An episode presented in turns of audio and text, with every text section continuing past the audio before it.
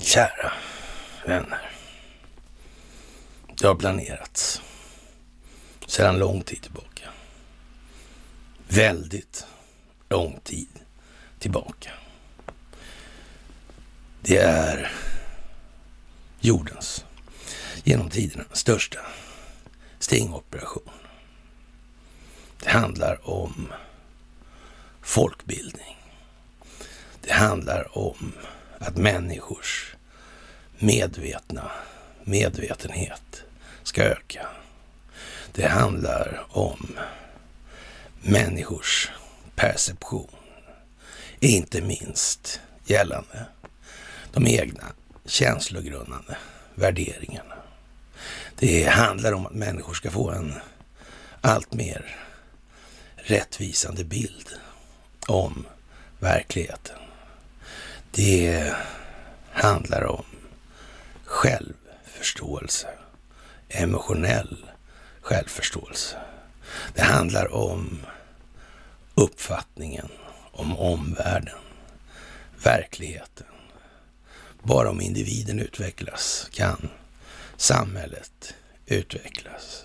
Människor måste förstå att eh, det finns någonting som heter, eller kallas, den djupa staten.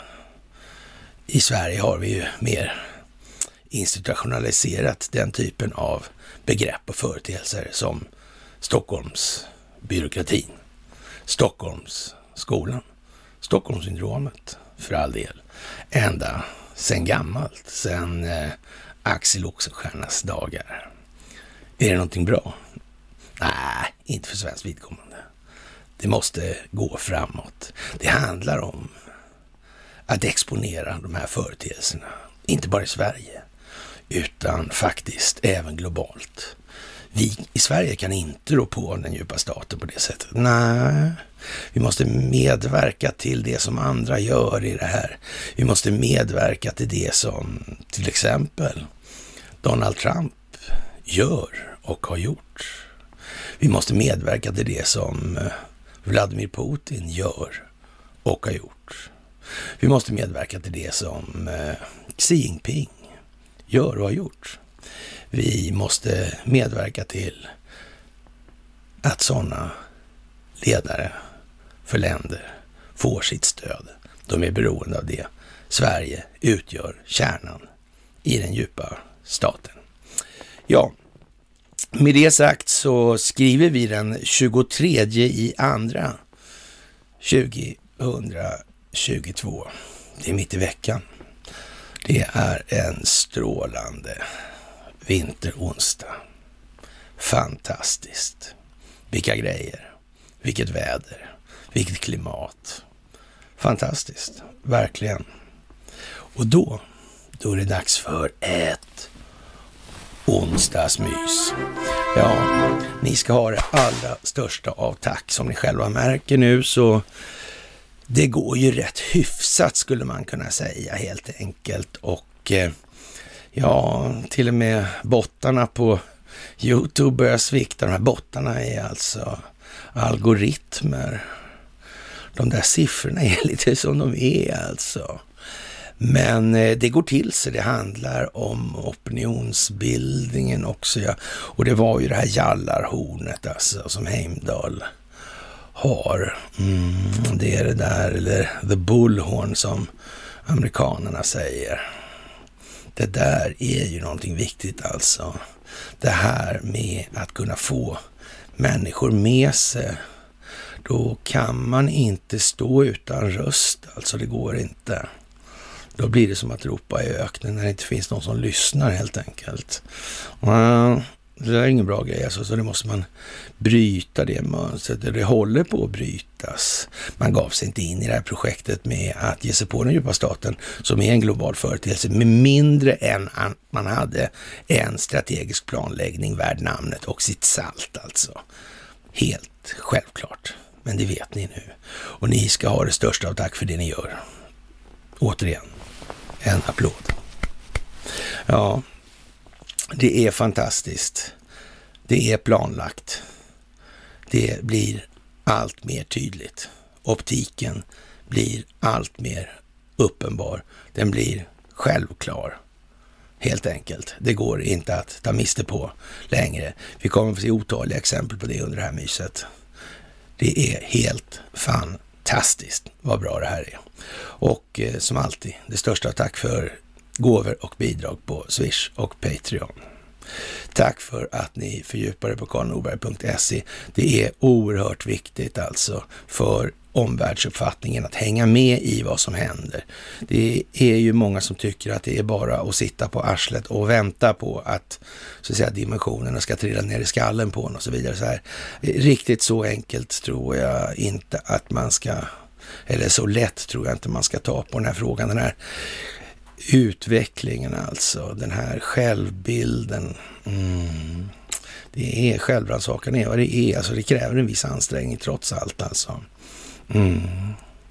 Och de här yvigheterna, vad, vad, vinner någon egentligen på att folk håller på att koncentrera sig på sådana saker som inte har bäring på verkligheten i sak i det här? Ja, det finns ju en del som tjänar på det skulle man kunna säga. Det känns ju att som ligger i farans riktning lite grann, att det kanske leds lite åt det hållet mellan varven till och från rent utav alltså. Det kan ju vara så. Man vet ju aldrig. Kanske. Ja, sådär. Ja, ni vet ju att det är som det är nu och vi har otaliga exempel på hur det här håller på att spåra ur. Vi har Ukraina, vi har situationen i Kanada, vi har situationen i Australien. Vi har situationen i Nya Zeeland. Det är liksom någon typ av flagranta exempel. Om man tar till exempel Kanada, Nya Zeeland, Australien. Vad är det för någonting? Vad kan vara den gemensamma nämnaren där? Ja, de tycks ju ha samma juridiska system i grund och botten någonstans. Rent utav som att det är någon slags eh, kronkoloni eller något sånt där kanske. Kan det ha någonting med någonting att göra i det här? Mm. Hur går det med för den brittiska drottningen? Hon är lite krasslig i covid fortfarande. Hon har ju träffat både han, Charles Ingvar, höll jag på att säga, men Jönsen där i alla fall då. Mm. Och sen den andra där. Han den där, ja, som har svårt med resåren i dämparna eller kalsongerna då i alla fall. Ja, jag vet inte. Konstigt. Kan det vara något på G liksom? De har ju den här, de har ju någon form av rättslig påverkan, de här gökarna också va. På, det finns någon form av ja, den här kronan, coronan alltså. Eh, i, den verkar vara liksom, ja, krona på spanska alltså. Mm.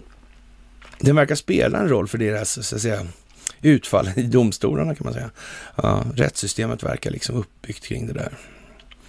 Ja, och så var det den här ekonomin alltså. Ja, det verkar ju ha någonting med det där att göra. För de är lite kopplade till den grejen alltså. Det här med skatteparadis och så, det är ju lite speciellt får man säga va. Ändå. Mm. Det är lite konstigt.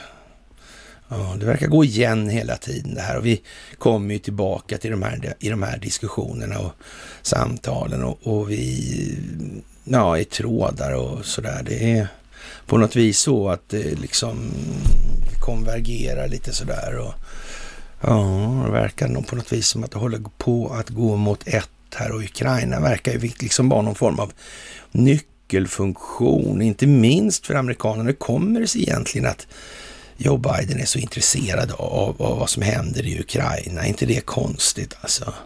Jag menar, det ligger ju rätt långt bort ifrån Mississippi, höll jag på att säga, men, men vad som skulle kallas för amerikansk inrikespolitik i vart fall. Hur kommer det sig det här egentligen? Vad beror det på? Finns det fler kopplingar till amerikansk politik och Ukraina. Skulle det kunna vara så att Hillary Clinton är kopplad dit till exempel? Har hon möjligen några givare då liksom? I, i de sammanhangen till Clinton Foundation till exempel. Skulle det kunna vara så? Skulle det kunna vara så att Nancy Pelosi har kopplingar dit, till Ukraina? Hon har kanske en son, vem vet? Skulle han kunna vara kopplad dit? Ja, det kanske han är, va? Det verkar lite så nästan. John Kerry kanske. Mm, ja, kanske möjligen. Adam Schiff har väl något där också tror jag. Mm, men det verkar vara lite konstigt ändå det där. Mm. Och så har vi Hunter Biden förstås då. Såklart alltså. Ja. Ja, det där är ju lite, börjar se konstigt ut faktiskt. Snart kan till och med en svensk konstatera att det där verkar inte liksom, om man säger som så, det verkar inte helt okej okay, alltså. Att det ska vara på det viset. Sett ur ett amerikanskt eh, demokratiskt perspektiv, demokratiskt alltså, perspektiv så verkar det nästan snudd på lite, ja, eljest alltså. Jag tror att det verkar dumt. Mm, amerikanerna kommer upptäcka det här, de ser det här, de förstår det här, de har en riktigt förändrad syn på det här och undrar hur i helvete är detta möjligt? Och det blir bara värre. Det blir bara värre. Hur kommer det här så att det blir bara värre?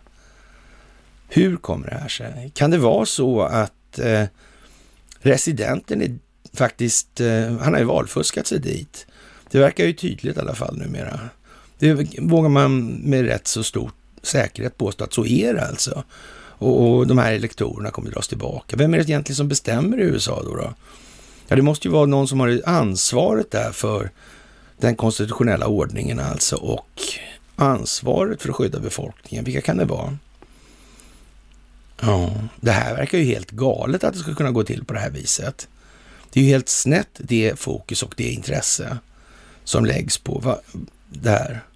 Vad, vad, vad handlar det om då egentligen? Handlar det om den här de här övergripande organisationerna kanske, typ eh, NATO kanske, eller EU eller för all del Israel, men inte i den meningen riktigt i den omfattningen i alla fall. Mer som en konfliktmotor och i Mellanöstern och strategiskt lås mot strategiska naturresursflöden ner från den afrikanska kontinenten upp till den eurasiska landsträckningen i så fall. Ja.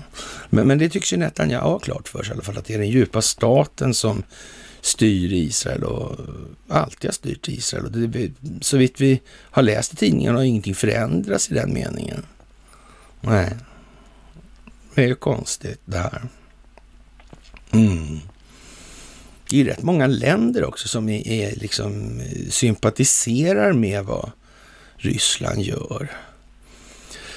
Och vi har väl anfört då någon gång att det här med Ryssland då och den ryska presidenten Vladimir Putin. Han kommer nog att bli lite mer populär, sa vi för jättelänge sedan alltså så. Mm. Och underlivsporslinet, han är ju inte jättepopulär, det är han inte. Det är helt säkert. Nej, det är han inte. Nej. Eller var kanske inte eh, lika impopulär skulle man kunna säga, för det tycks bara gå rakt ner söderut alltså, dit det luktar vitriol praktiskt eller åt helvete rent ut sagt. Alltså, och Kamala Harris där. Oj, oj, oj, oj, oj, oj, oj.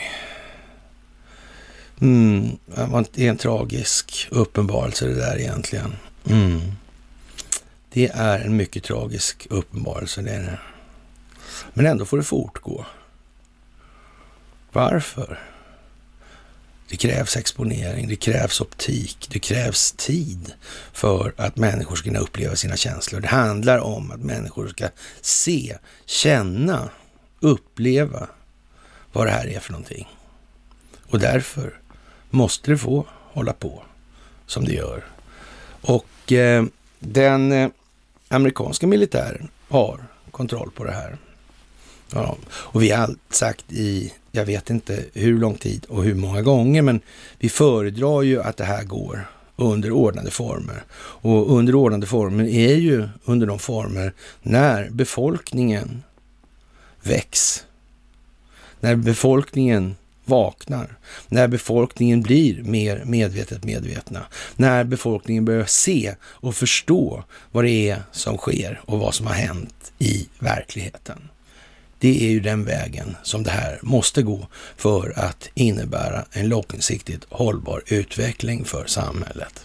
Och eh, det är mycket nu som styrker precis vad vi har sagt hela tiden ska komma att inträffa.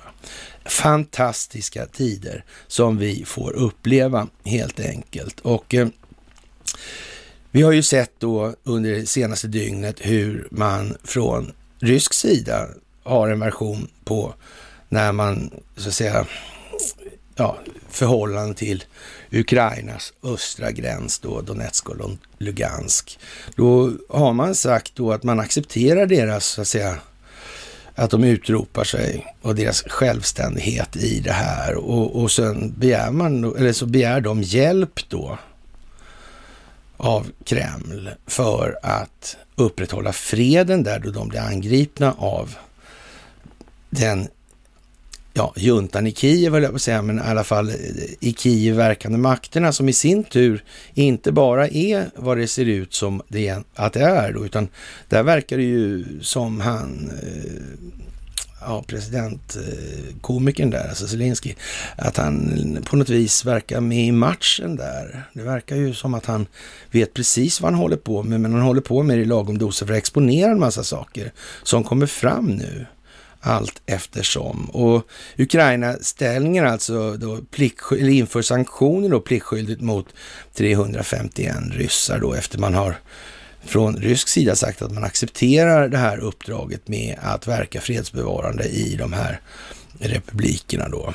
Mm. Det, det det som i svenska termer kallas för, eh, ja, inte av, det ska vi säga också till Magdalena Anderssons försvar, till, hon är inte särskilt benägen att ta det här begreppet invasion i sin mun i det sammanhanget. Hon förstår att det behöver ju inte bli så. En annan anledning till det här, det är naturligtvis det här, vad är Ukraina egentligen då? Vi kommer tillbaka till en del, nu ojar sig många väldigt mycket och tar till sådana här brösttoner som man tror fan inte riktigt är sant. Varför, varför väcker det här talet som Vladimir Putin, varför väcker det sån jävla eh, känslorespons? Vad är problemet egentligen? Det är ju så att Carl Bildt och eh, en och annan akademiker ställer sig upp och gallskriker nästan och, och ser ut som små barn som någon har snott klubban för. Va? Bara tårarna sprutar så här, mua, mua, som på Lille Skutt va, i Bamse. Han Rune Andreasson visste en del för övrigt, kan ni tänka på. När farmor och köttbullarna och draken ska ni tänka på då. Ja, bortsett från det så då är det jävla känsloanslag som kommer helt plötsligt. Och, och Carl Bildt ser sliten ut och ena ögat hänger på honom. Ja, han verkar pressad. Har han fått stroke? Jag vet inte. Men det ser inte så lovande ut. Han har ju andra problem också. Mm, det trillar någon donna där, någon NATO-donna. NATO är också en övergripande historia som sagt var, alltså som EU och som inte Israel då, men uh, vi har ju sagt någonting om de här, att de måste bort. Varför då? Varför måste de bort för? Måste, kanske det är så här att EU är en skapelse av underrättelsetjänstkollektiv där den här fina organisationen CIA, alltså Central Intelligence Service, kanske Kanske den har med saken att göra, det här att det är ett CIA-projekt. Alltså varför då? då? Varför är det det? Är det, är det kanske ett verktyg för den djupa staten där? EU-projektet. Skulle kunna vara så. När det gäller CIA så tror jag faktiskt att vi kan vara rätt säkra på vad det är för någonting. Vi vet om hur det gick till när CIA uppstod ur OSS och vi vet vilken roll som Allen Dull hade i de här sammanhangen. Vi känner till hans bror John Foster Dull. Vi känner till Allen Dulls son Avery Dull som var kardinal i Vatikanen och ändå inte biskopsvigd alltså. Och han hade hand om pengar, han var konstigt. Mm. Det är mycket konstigt. Och alla de här grejerna sitter ju ihop och det är fantastiskt att se den här utvecklingen för de här föreläsningarna vi har haft och att hur ni rekommenderar de här och hur många som tittar på dem där. Det är, det är en hel skock med människor alltså. Det är rätt många. Och vi kan väl inte säga i någon större utsträckning att vi har haft algoritmerna på oss eller på vår sida i det här. Det ska man ju tänka på också. Sådär. Och det, det är ju sånt som man anför nu i, i amerikanska medier att nu kommer siffrorna sjunka betydligt för väldigt många i de här sammanhangen. Och det är ju lite intressant. Sådär. Och man, man kan ju till exempel ja, fundera lite på hur det kommer sig. Att, hur blev det så här från början då? och så vidare. Ja, vi har ju blivit av med några kanaler, så där har vi och det har ju andra också blivit. Så där. Men, ja, men det går fort för dem att hämta sig. Och vi har ju vad man kan kalla för en rätt så organisk tillväxt. Men vi kan ju också ha bromsar på det här. Och det är klart att man får höga tittarsiffror om det är bottar som tittar till exempel. Sådär. Så det blir väldigt vanskligt att hålla på och mäta i termer av de där grejerna. Ja. Vi vet inte riktigt. Jo, det vet vi faktiskt. Vi vet. Hur som helst, det här kommer att bli fantastiskt och eh, vi kommer kretsa runt de här frågorna under den här dagen. Och eh, ja, Donald Trump han hyllar ju Vladimir Putins insats då och Eh, ja, det, det, är ju lite konstigt och den, den, insatsen leder ju alltså till då att eh, amerikanerna och alla andra också för övrigt då eh, tvingas att betala högre energipriser. Är inte det konstigt?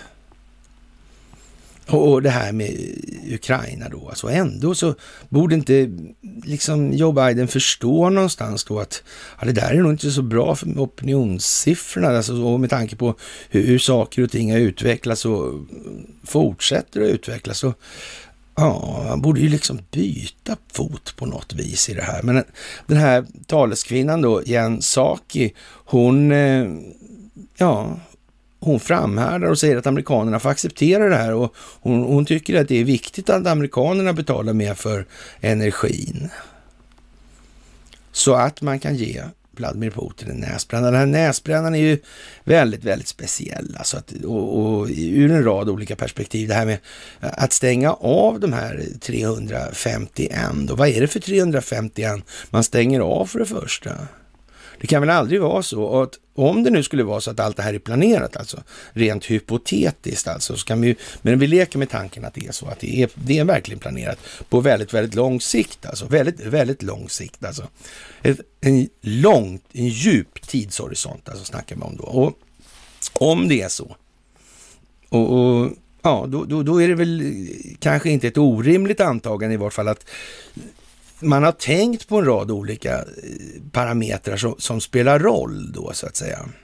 Och, och, då kan man väl nästan i, ur det perspektivet så kan man väl eh, utgå ifrån att man, man, har begripit det här att den djupa staten är en internationell företeelse. Det kan man väl nästan gissa på i alla fall då. Och man, man klarar väl av att kanske se då att eh, Ja, till exempel Kina säger så här att ett, den senaste tidens tråkigheter beror på att ett fåtal svenskar på ett brutalt vis har lagt sig i Kinas inre angelägenheter. Och, och de där har förresten hållit på med det i, i 200 år då sådär. Och, och, och möjligen skulle man kunna tänka sig att man från amerikansk sida åtminstone noterar att eh, de där svenskarna det där handlar om, det är just de här eh, som den förra eller så här, utrikesministern då, Mike Pompeo, före detta CIA-chef och förmodligen bekant med avlyssningen i en annan omfattning. Ja. Mm, han borde kunna räkna ut det här helt enkelt, faktiskt. Eller finns det ens en möjlighet att han har missat det här så totalt alltså? Det finns inga analytiker som klarar av att se det här i något som helst sammanhang. Ja, det kan vara på det ena eller andra sättet alltså. Och, eh, och Donald Trump, han har ju faktiskt aldrig eh, sagt då eh, att anledningen till att den här situationen som vi är i nu, eller som vi befinner oss i nu, globalt sett, alltså som jorden befinner sig i, den beror på att Joe Biden fuskar sig till den här residentposten då och och alltså, är han ju något trots allt då milt uttryck korruptionsmässigt kopplat till Ukraina då. Och det är ju som sagt Clinton, Pelosi, Kerry, McCain och så vidare också. Och det är ju lite speciellt ändå. Men har de verkligen, har alla missat det här hela tiden? De här lirarna som har hand då om upprätthållandet av konstitutionen, konstitutionella grunderna i USA då och, och ska ansvara för skyddet av befolkningen. Hur är det med dem då? De, de skiter i allt sånt här. Alltså. De bryr sig inte, det var ingen som missade. Det fanns ingen militär underrättelsetjänst helt enkelt. Det fanns inte det. Konstigt. Vi har ju det i Sverige. Varför har man inte det i USA kanske? På det viset. Mike Pompeo är ju militär. Mm. Väldigt speciellt det här. Och svårt att förstå. Eller kanske inte. Det blir lättare med tiden som man säger, optiken klarnar. Det blir självklart vad det här är för någonting. Och för många, eller det ska man inte säga, för några människor har det varit självklart. Så länge man minns, kort sagt. Så är det också. Ja, vad ska man säga? Svenskar får betala ökade energipriser. Det är fantastiskt. Inflationen, det är så mycket pengar som trängs på energimarknaden så priserna går upp. Det rinner in mer pengar på energimarknaden. Därför höjs priserna. Har vi kanske sagt någonting om det här förut. Eh, hur uppenbart ska det behöva bli? Det kan man fråga sig. Det kan man verkligen fråga sig. Å andra sidan så får man acceptera att det tar tid. Huvudsaken och ändamålet är att individen ska nå en ökad medveten medvetenhet om sig själv och sin omvärld. Det är hela prylen med det här och ingenting annat. Och det är ni med på i det här. Ja, nu är det som sagt allt mer gälla toner från den djupa statens apologeter och Eh, hur den konstitutionella grunden faktiskt ser ut för Ukraina. Det, eh, ja, vad ska man säga, det lär ju vara ett förhållande i sak, så det kan man ju inte eh, säga, det kan ju inte vara så svårt att vederlägga. Hur är det här egentligen? Hur ser den här ukrainska konstitutionen ut rent rättsligt alltså. Vad, vad, är den rättsliga grunden i det här sammanhanget? Det verkar ju vara att när Vladimir Putin höll det här talet så verkar det ju på något vis som att det väckte en jävla massa ont. Vad beror det på? Varför säger inte liksom Carl Bildt och, och de här professorn då som liksom spårar ur så här. Varför säger inte han liksom att men så här ser ju konstitutionen ut alltså. Det här är den konstituerade geografiska landytan ser ut så här och det har man då i internationella samfund registrerat då och, och liksom när man har godkänt det här som vad det nu är godkänt som och så vidare.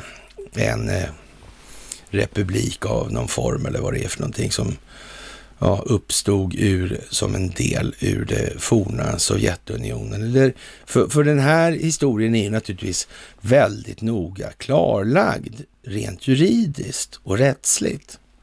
För så måste det ju vara. Och att Vladimir Putin sitter och fabulerar i den frågan mer eller mindre enligt då Carl Bildt och någon professor i sovjetologi, eller vad man ska kalla det för. Ja, det, ja, det är ju som det är. Någon av parterna sitter ju och fabulerar mer eller mindre. Det är ju så. Och frågan är vem det är. Det måste man också tänka på nu. Är det rimligt att tro att Vladimir Putin gör det i det här läget? Han verkar ju liksom ändå ha en viss moralisk resning och själslig spänst helt enkelt. Han verkar ju vara, som man sa förut, en kar för sin hatt. Liksom. Det fanns väl inte så mycket karar för sina hattar där, där uttrycket myntades, men vi kan ju låtsas i alla fall att vi har haft en annan bakgrund än vad vi har. Ja, med det sagt så ska man inte förkasta allting som har varit heller i det här landet. Många människor har faktiskt handlat i god tro också. Sen har de ju inte riktigt begripit förutsättningarna, men det är ju lite av en annan fråga. Och eh, det här är en litania från en Rysslandskännare. Han säger så här att, på, alltså en av de här professorerna, alltså, emeritus tror jag det var också. Putins historieskrivning är idiotisk. Carl Bildt nöjdes med att kalla den för rappakalja. Och, och det där är ju lite speciellt att när man tar till eh, sådana invektiv rent ut sagt alltså. Alltså sådana kraftuttryck. Argumenten räcker alltså inte i sak på något vis. Men varför inte bara säga så här ser liksom denna den ukrainska konstitutionen ut. Och det här är... Varför, varför skriker alla på den här eh, grejen med, med, ja, ska man säga, någon, någon form av löst hållen ja, ordning eller någonting som eh, tradition mer eller mindre, eller vad man ska kalla det för. Hur kommer det där sig egentligen? Det måste väl finnas en en klart fastställd ordning för vad det här är för någonting på saklig grund. Inte vad folk har tyckt i allmänna ordalag under lång tid, för det har nog varierat. Rätt så kraftigt kan man tänka sig. Hur var det egentligen med eh, Chrusjtjov här? Och skapandet av Ukraina. Hur gick det där till? Hur såg Stalin på det här egentligen? Mm. Och Putin han pratar ju mycket om det här med ja, bolsjevikrevolutionen och vad egentligen det var för någonting. Jag vet att vi har nämnt det vid något e- enstaka tillfälle. Vi har kanske pratat om det till exempel i samband med den här föreläsningen då det, ja, spionfabriken som den heter på svenska och nu heter det väl något annat för nu går den mest på engelska då. Hur kommer det här sig egentligen? Hur reste de här, den här löken liksom? Och hur såg situationen ut i Asien och Eurasiska landsträckningen och sjövägarna och de strategiska förträngningarna och så vidare. Så här. Sånt som spelade roll för ekonomin. Hur såg det ut egentligen då i början av 1900-talet? Hur var det där? Konstigt. Nåväl, den ryske presidentens 65 minuter långa eldfängda och tv-sända tal om Ukraina-krisen förbluffade Gerner som är professor emeritus i historia vid Lunds universitet och har skrivit flera böcker om Ryssland och Sovjetunionen. Bara det måste ju vara otroligt meriterande och har skrivit flera böcker. Det, det ska alltså ge någon form av legitimitet till argumenten han anför. Och om man säger så här då, att om man om den djupa staten existerar överhuvudtaget och har suttit vid spakarna. Det har ju två hypoteser alltså. Ja, och, och, då måste man väl nästan säga så här, då måste väl utbildningsväsendet och framförallt då hur historien skrivs, det måste ju på något vis ligga inom ramen för intressesfären. Att styra den berättelsen, det narrativet. Det måste till och med en svensk kunna inse på en tusendels sekund. Man, om man nu inte har verkligheten i ryggen, då måste man ju så att säga kontrollera återgivningen så att det inte framkommer att verkligheten faktiskt ser ut på ett annat vis än vad man själv önskar framställa den. Och man måste framställa den så och det andra får inte komma fram, så enkelt är det. Och det kan ju möjligen vara därför de här känsloutbrotten kommer. Skulle det kunna vara det? Jag vet inte, kanske. Ja, trots att han har skrivit flera böcker om Ryssland och Sovjetunionen så säger han så här då. Det var helt otroligt. Det var, för det första säger han rent ut att Ukraina inte existerar. För det andra att han då måste beskydda ryssar i Donbassområdet, säger han till TT, sådana som alltså har ryskt medborgarskap, ja, och utvecklar vad han ser som den enda historiska jämförelsen. Det är Adolf Hitler som gjorde sitt Anschluss med Österrike och sedan gick vidare till, med Sudetlandet. Putin konfererade med sitt så kallade säkerhetsråd innan han gav dem själv utropade separatistrepublikerna i Ukraina ryska erkännanden. I det tv-sända tal arrangemanget framstod som, ja, vad ska man säga då? Det var, han domterade rådets stillatigande medlemmar enligt då Christian Gerner. Och jag vet inte, det verkar ju på något vis som att det där är väl ändå lite väl yvigt. Det är ju knappast ägnat att återge en objektiv bild och verklighetsbeskrivning. Det kan man inte påstå. Det kan ingen påstå. Hur kommer det sig att man inte ens försöker det? Varför försöker man med sådana här flagranta, uppenbara insatser? Alla kan ju se att han, nej, han är inte, han är inte ett spår av objektiv. Han gör sig inte, det kan man säga, så han gör allt han kan för att inte förefalla vara objektiv. Så kan man nog säga. Ja. Mm. Det finns en föreställning om att direktsändningar i tv ska skapa någon sorts legitimitet och förtroende. Man uppfattar det ju bara som ett bisarrt skådespel, säger han. Det blir ju inte bättre. Det blir värre helt enkelt. Säkerhetsrådet är en samling nickedockor och det är också ganska ohyggligt och plötsligt mycket likt Hitlers Tyskland, vilket är den värsta förolämpningen man kan ge. Det framstår som en sorts desperation där man omger sig med folk som inte törs säga emot.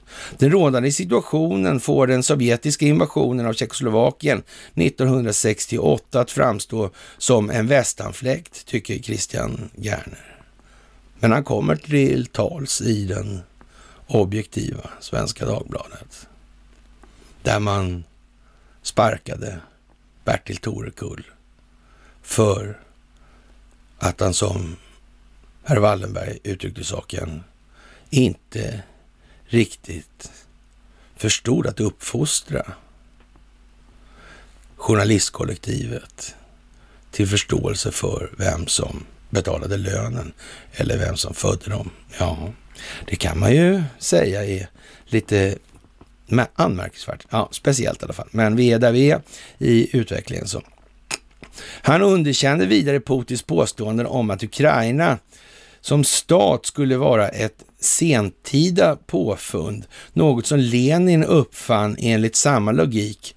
Det existerar inte heller Tjeckien, ja enligt en ny mening där. Enligt samma logik existerar inte heller Tjeckien, Finland eller Belarus. Vitryssland alltså, poängterar han. Ja, vänta nu här. Mm. Hur är det egentligen med den konstitutionella grunden för det här?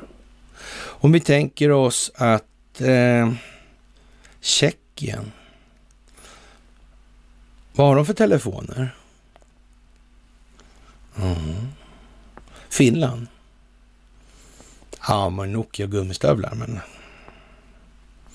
man säger som så. det var en svensk trädgård under lång tid. Ja,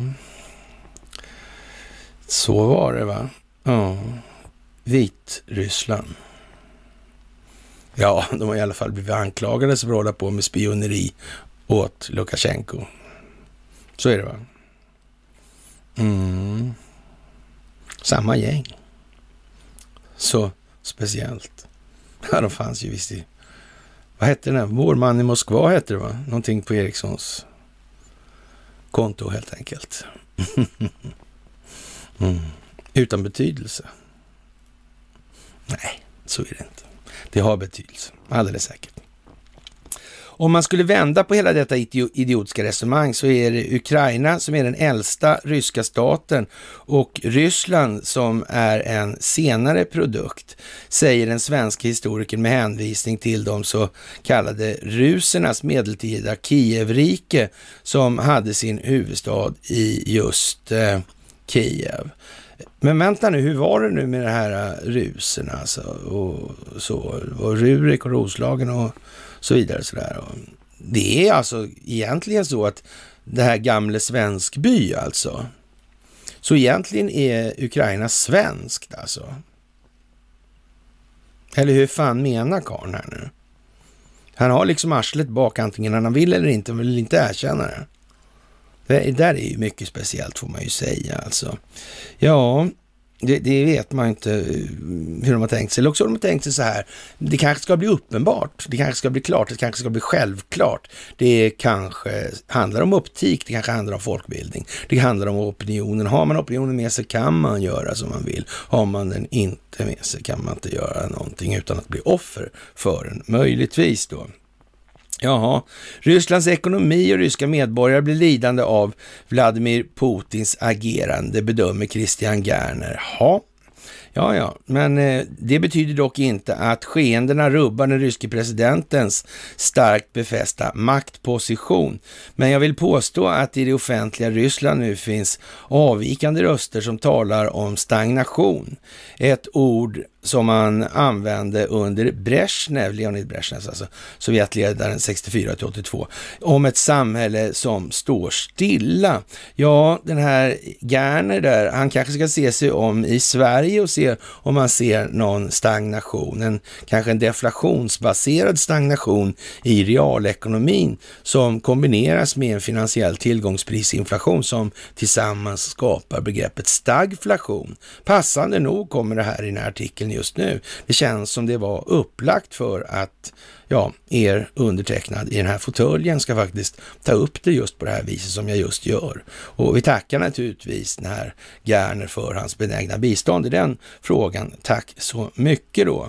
Ja, det är ju lite udda. Historiskt har det inte funnits så stora motsättningar mellan ukrainare och ryssar i de här berörda områdena innan Putin ställde till det inom citationstecken. Och eh, ja, det säger Christian Gerner. Men jag är inte säker på att den här korruptionen har varit så där jävla eh, återhållsam i Ukraina. Jag kanske har fel, men jag, jag tror att eh, Willy Wonka där, Petro Poroshenko, han var väl inte, och företrädarna, han var väl ingen höjdare heller så vitt jag känner till. Nej. Och Julia Tymosjenko som var i, i faggorna där under var ju, eh, nej, verkar inte vara någon sån där stor eh, moralisk resa. Kanske inte ändå. Jag tror inte det. Men någon kanske tror det, jag vet inte. Och, och vi glömmer ju inte högklackarna i, där i, i och sån här jävla brödflätan runt skallen då. Ja, högklackarna i rullstolen alltså. Det är så jävla klockrent liksom. Ja, ja, ja, ja, ja, ja. Ja, det är klassiskt för den här typen av härskare. Antingen ger man folket bröd eller så ger man dem skådespel och nationalism.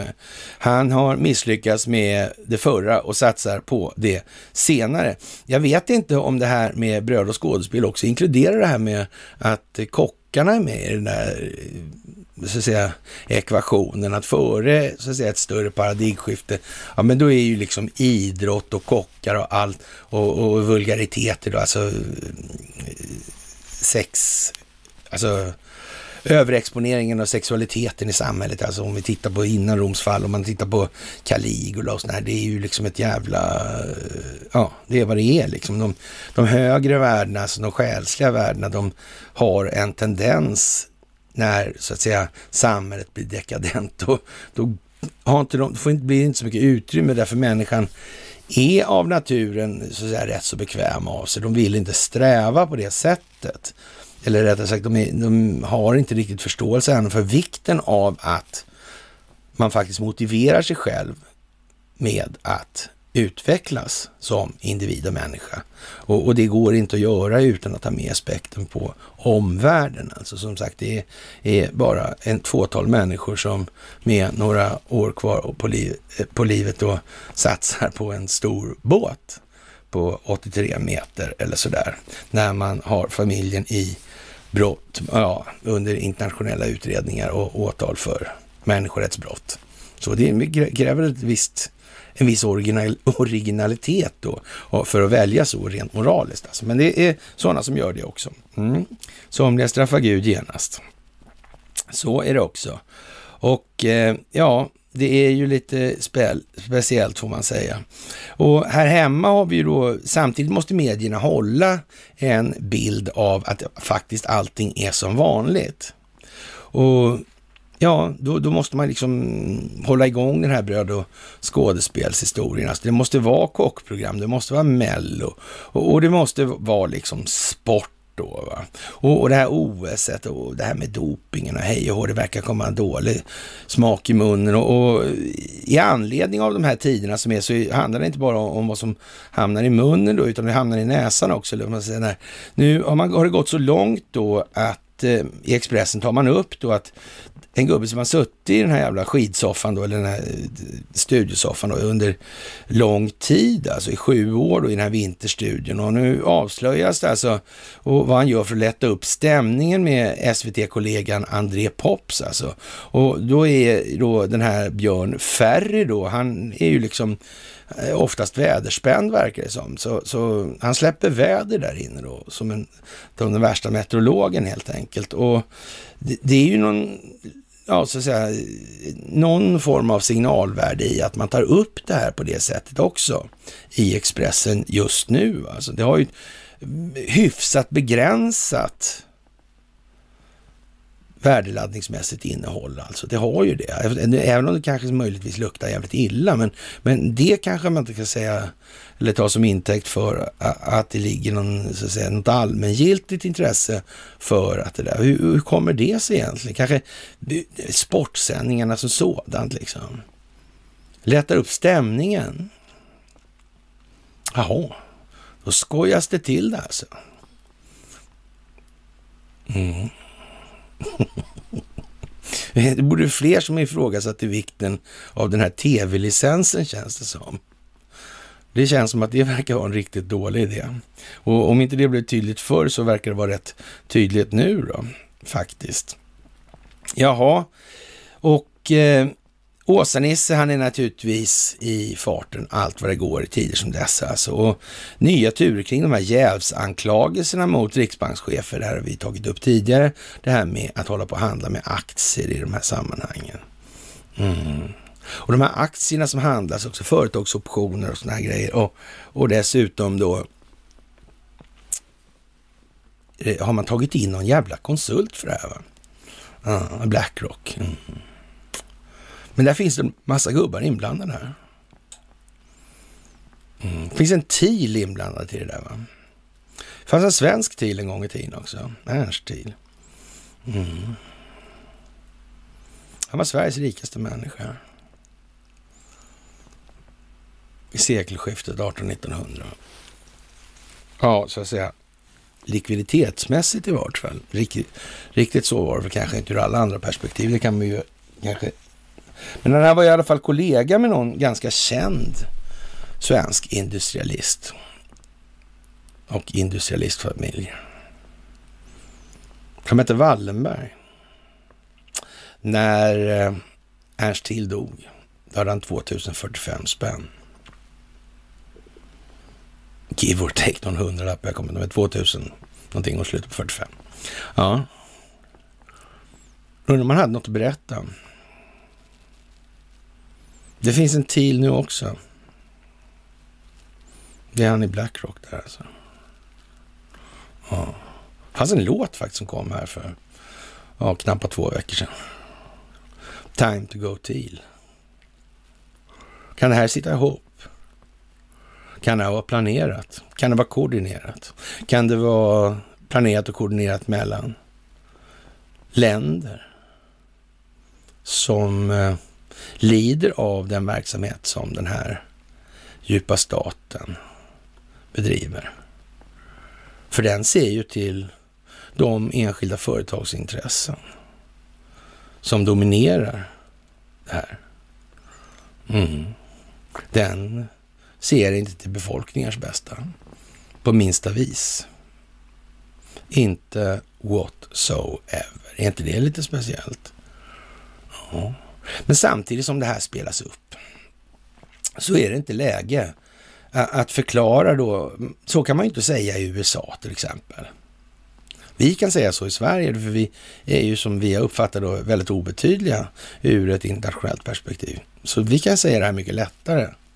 Medan alla andra länder då måste ju naturligtvis ha en, och vi har ju neutrala, vi har ju ingen så här direkt, eh, ja, fiende eller motpart. Vi måste hela tiden byta, men det är ju svårt. Va? Så det får ju för, för det mesta bli Ryssland och sådär. Ja. Men, men, i USA till exempel, då, man håller ju på då och förklarar att hela det här jävla skitsystemet är korrumperat i USA då. Inte som i Sverige, men, men på deras sätt alltså. Mm. Ja, och, och då måste man ju ha en motpart då som har försökt infiltrera och korrumpera det här. Och då går det ju inte liksom att, och, det går inte att säga Sverige direkt då, för då, då missar man ju Kina. Och, och, och missar man Kina, då har man strax Kina tillbaka, eller Kina tillbaka, in i USA. Och det, det verkar vara en misslyckad metod helt enkelt. Det måste komma åt den i Kina. Och det måste börja med att man kommer åt den i USA för att Kina ska kunna komma åt sin då. Ja, och så vidare. Men, men så länge då tills dess det här blir mer öppet. Då måste man ju från amerikansk sida hävda att det är Kina som har infiltrerat och korrumperat och så vidare. Fast i själva verket är den djupa staten i Kina. Men det är alldeles för svår pedagogisk poäng för människor i allmänhet att konsumera. Den elefantuggan är far too big alltså. Det går inte, det är way over the top. Det går inte. Är helt omöjligt. Så det, är liksom, det finns ett pedagogiskt trauma i det här på det viset. Vi har ju inget svårt att se här i Sverige då, för, men att, att säga så här, men kolla vad konstigt. Ska vi enas om en pryl? Ja, ja det betyder den korkade då, eller den ignoranta eller ja, Stupid is so stupid us. Ja, ja kan vi enas om. Så kan, vad, vadå? Ja, jo, men vi kan säga så här. Energi, alltså kraftförsörjningen i ett land, alltså. Är det någonting viktigt eller oviktigt? Ja, det är viktigt. Ja, just det, precis. Ja, och, och, och, den som kontrollerar den, han har lite eh, jävla mandat alltså som inte är politiska i alla fall. Men, men ändå finns de där någonstans alltså. Men alltså passar inte dojorna, då är, får man gå barfota helt enkelt. Ja, ja så kan det ju vara. Mm. Du, om vi säger så här då. Det här med telefoner och, och, och konton och betalningar och, och, allt sånt där alltså. Allting som har med telekom är, är det viktigt det liksom på något vis i det moderna samhället tycker du? Internet hänger ju på det där alltså. Så, så. Ja, okej, det är viktigt. Jaha, ja, men, men om du nu säger så här då istället. Och om man har fingrarna på båda de där prylarna då? Är det någonting som är bra för alla? Jag menar Ja, men alltså om det är i händerna på någon som främst tänker på sig själv, då tänker du ju inte främst på alla andra. Så förr eller senare kommer ju den här som tänker främst på sig själv och prioritera sig själv. Kanske rent av från början, man vet ju aldrig. Ja, mm, ja så kanske det kan vara. Ja. Men är det verkligen lämpligt då att man lägger den här typen av infrastrukturellt kontroll i, händerna på sådana intressen? Är det bra det då? Mm, så. Mm. Men det, det, är liksom inte mer komplicerat än så för människor att fatta liksom att det är ABB och det är Ericsson. Så. Och så finns det massa annat, men skit i det. Så, ja. Men hur gör man i USA då? Det går ju inte. Vad, vad, vad, vad säger du? Har de kontroll överallt? Det är inte vi som har kontroll på det där. Det går inte. Här är det ju inget svårt att få folk att fatta att det är så. Ur det perspektivet alltså ur det pedagogiska perspektivet. Vi har det enklare, det är det jag sagt hela tiden, att vi har en lättare situation ur en rad perspektiv. Å andra sidan så har vi ju helt enorma vanföreställningar när det gäller det här med pengar och pengars värde. Det är ju det. Alltså det, det är ju, folk kommer ju ligga och gråta sig blå när deras pengar försvinner. Det är ju bara så. Det är det viktigaste i deras liv. Det är liksom hållpunkten. Och, och kanske vi skulle ha liksom någon form av låtsassystem då de kan få ha sina ettor och nollor eller monopolpengar eller vad fan som helst. Liksom. Så kan de ju sitta och titta på dem och bli glada då. Och det är också konstigt, så här, vad, vad, spelar de här pengarna för roll? De har alla de där pengarna då. Mm, och så har du inga andra människor på jorden. Är de lika roliga fortfarande? Nej, det är de ju inte. Nej. Så vad är det som du föredrar? Föredrar du människor eller pengar då? Man kan ju enkelt säga så här, det är betydligt lättare att bli glad med människor, bara människor, än bli glad med bara pengar. Det är helt säkert. Men nej, det är för svårt ändå. Alltså så, vi är skeva på ett annat sätt alltså. Vi har inte liksom Ja, lite annan grej. Alltså vi, vi har av en anledning då jordens mest privatskuldsatta befolkning och det är för att det varit möjligt att göra så. Alltså det å sin sida innebär ju implicit att vi eh, har ett visst mindset helt enkelt och det är kanske inte smickrande ur alla möjliga perspektiv på planeten. Kan man ju säga då. Ja, och eh, hur som helst då så Åsa-Nisse han är ju väldigt bra på det han har gjort, eller har varit väldigt bra i alla fall, inte längre. Men man kan inte ha en oberoende utredning, det går inte, det tillåter inte riksbankslagen, säger Susanne Eberstein, då, socialdemokrat och ordförande i riksbanksfullmäktige. Och eh, alla borde veta att Åsa-Nisse har som enda uppgift att trolla med orden och förvilla alltså.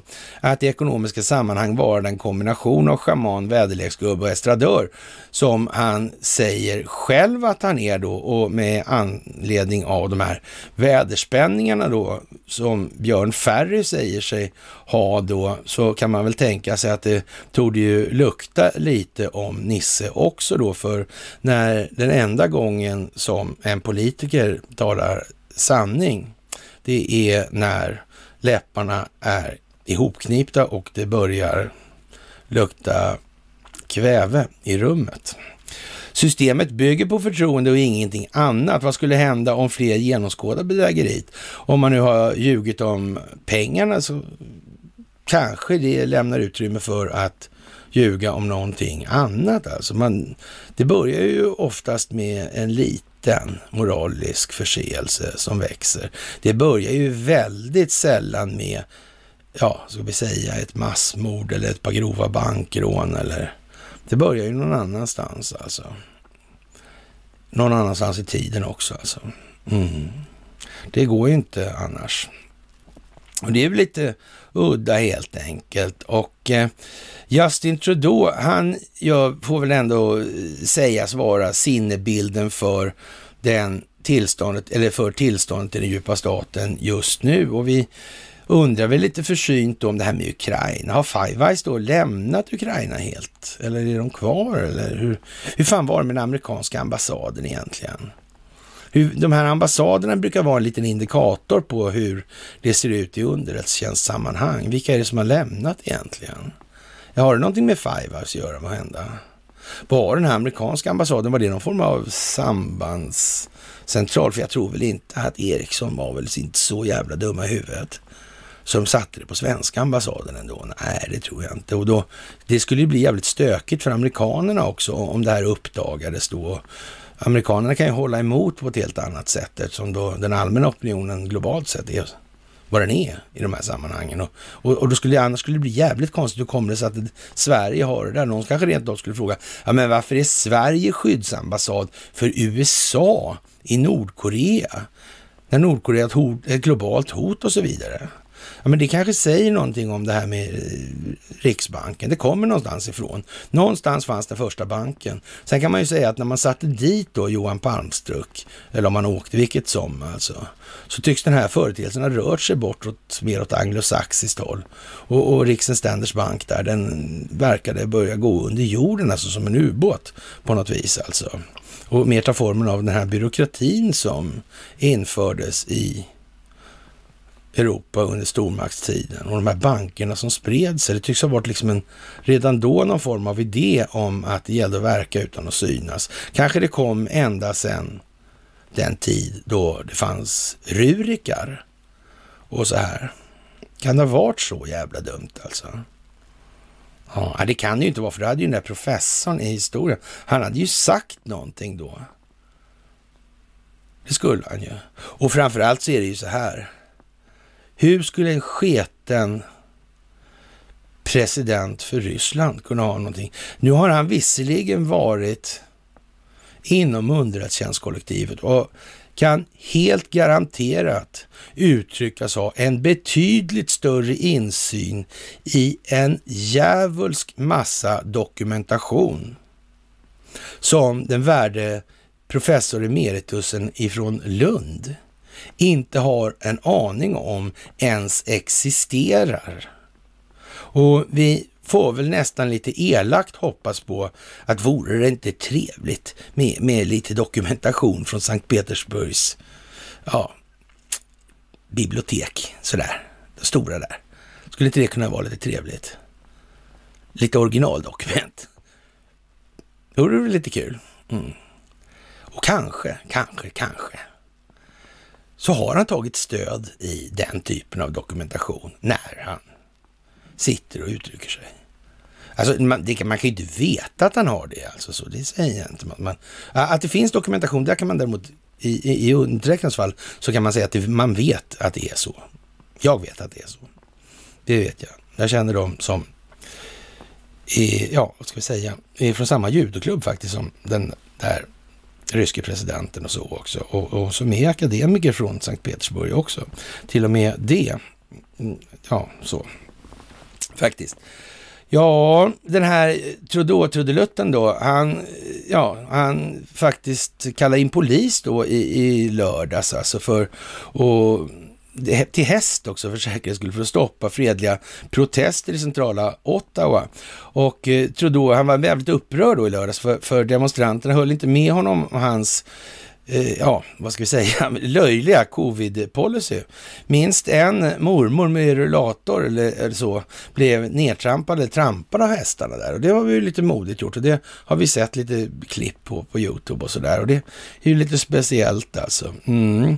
Just och, ja, Justin Trudeau han eh, låste också bankkonto för arbetarklassens kanadensare som donerar så lite som 40 dollar till freedom, eller frihetsdemonstranterna där. Och då, då, då kan man ju tycka då liksom att det var jävligt konstigt gjort alltså. Kan man göra det? Och dessutom var det ju då på något vis centralbanken som gjorde det också. Men vänta här nu. Ska, skulle Åsa-Nisse kunna bestämma och, och, och, säga så här att Nej, men nu stänger ni kontona för de där lirarna. De där får inte ha några konton. Hur går det där till egentligen? Är inte, är inte de här bankerna privata då eller? Eller hur fan funkar det? Vem är det som bestämmer då? Eller är det så verkligen så jävla dumt att det är bankerna som bestämmer? Att pengar styr den ekonomi som kontrollerar. Nej, så kan det inte vara. För och, och ja, just det, det är ju en sån här kronkoloni också det där. Det är konstigt att de värsta jävla kontroverserna och stökigheterna dyker upp i, i Australien och, och på Nya Zeeland och, och, och, i Kanada. Märkligt. Ja, ja, som sagt, det har vi nämnt förr. Ja, och eh, ja, Justin Trudeau sa på tisdagen till kanadensare att han kommer stå emot eh, auktoritarismen då. Ja, och, och, det är väl då Vladimir Putin han an, antar jag då han menar alltså. Och eh, ja, och detta var efter att han blockerat borgen för en protestledare. Ja, det kan man ju säga så här. Och sen tillkännagav han alltså sanktioner mot Ryssland. Ja, men det är väl ungefär där vi står nu. Alltså missar man motsägelsen i det här, den stora frihetskämpen då, som låser bankkontona och, och på de här. Ja, mm. och rider ner gamla mormor med rullator. Jaha. Som sagt, det är optik. Det är optik värd namnet helt enkelt. Och man undrar ju lite försynt om, ska det behövas mycket mer sånt här innan det, det, för det, det, kommer inte gå bort alltså. De som tror till äventyrs nu att det här kommer gå över och allt kommer bli som vanligt, de får nog fan, ja, de kommer få lida mer, så är det ju bara. Det är inget att snacka om. Ja, så kommer vi då in på de här lite andra frågorna här nu. Vi var inne på det lite med den här historieprofessorn tidigare. Och eh, ja, får se här nu, världens dyraste drivmedel. Ja, det är, dieseln alltså i Sverige då. Alltså det, det är Putins fel. Och stagflationen, det är, är Putins fel. Och gaspriserna går upp och, och det är också Putins fel. Och ja, samtliga problem som påverkar oss då, och vi får uppleva, kommer framöver då, Ja, det kommer att ligga Putin till last. Det är hans fel. Allting är hans fel, helt enkelt. Mm, och det är naturligtvis ett sätt att se på saken. Och I SVT Näringsliv så påstår man att börserna påverkas av rädslan för stagflation alltså. Och Ukraina-krisen kan lida till stigande inflation och fallande BNP varnar tunga ekonomer. Och och eh, tendenser till stagflation, lyxaktier som indikator. Ja, det där är ju lite udda alltså. Och den här stagflationen, det är ju faktiskt så att realekonomin stagnerar på grund av deflation. Och den finansiella delen av ekonomin får ett inflöde av pengar alltså. Det är ju liksom stagflation som princip inträffar alltså rent automatiskt efter skuldmättnad. Och om inte annat kan man ju säga så här att när man börjar snacka så här, då erkänner man alltså skuld. Men det här har pågått hela tiden naturligtvis, som man har försökt hålla bort det. Men det här är ju så att säga det öppna erkännandet för skuldmättandets existens. Det är ju så. Nu har vi skenande finansiella tillgångspriser i de här sammanhangen. Eller då låtsaspriser då. Mm. Fiktiva priser utan realvärden, helt enkelt. Och det kan man ju tycka är intressant. Att det kommer ju nu samtidigt som det hårdnar som det gör internationellt i Ukraina till exempel. Och vi har ju sagt då vid något enstaka tillfälle, en gång eller så, att det kommer hända genom Ukraina på något vis, alltså Sverige. Jag tror att vi har, men så vi hade ju för sig tre stycken sådana där, ja, det moraliska resor, alltså stjärnor i de här sammanhangen som var inblandade i det här. Mm. Ja, ja, ja, ja, ja. Det är ju lite som det är alltså. Alltså, och när man då säger att det är inflation på lyxvaror till exempel, då är ju man kan säga så här, lyxvaror är ju någonting som per definition inte har lika mycket realvärde som pris då, skulle vi kunna säga. Och, och om Gucci-väskor och sånt här då liksom, ja, nej, det är ju som det är liksom, faktiskt. Det blir en realvärdeanpassning av det här på sikt, som vi har sagt hela tiden. Ja, och nu är det alltså verkligen lite mer tillspetsat kan vi då säga. Vi undrar ju då violblygt om alla verkligen kommer att skita i den gemensamma nämnaren i de här sammanhangen och eh, det handlar om att Donald Trump, han faktiskt, eh, ja, han hyllar Vladimir Putin helt plötsligt. Det är ju konstigt. Och, och, ja, han säger att det är genialt helt enkelt det här. Och, och det här med att erkänna då Donetsk och Lugansk som egna länder alltså. Och, och sen erbjuda sig då att bevara freden där. Och Donald Trump då han eh, beskrev Rysslands president Vladimir Putins drag att erkänna suveräniteten för Folkrepubliken Donetsk och Folkrepubliken Lugansk som genialt. Trump gjorde sitt uttalande när han medverkade i The Clay Travis and Buck Sexton Show. Ja, på frågan om Rysslands erkännande av de två utbrytarstaterna fick Trump inget annat än beröm för hade Trump inget annat än beröm för Putin. Jag, jag gick in i, igår och det var en tv-skärm noterade Trump och tillade och jag sa det där, det är ett geni.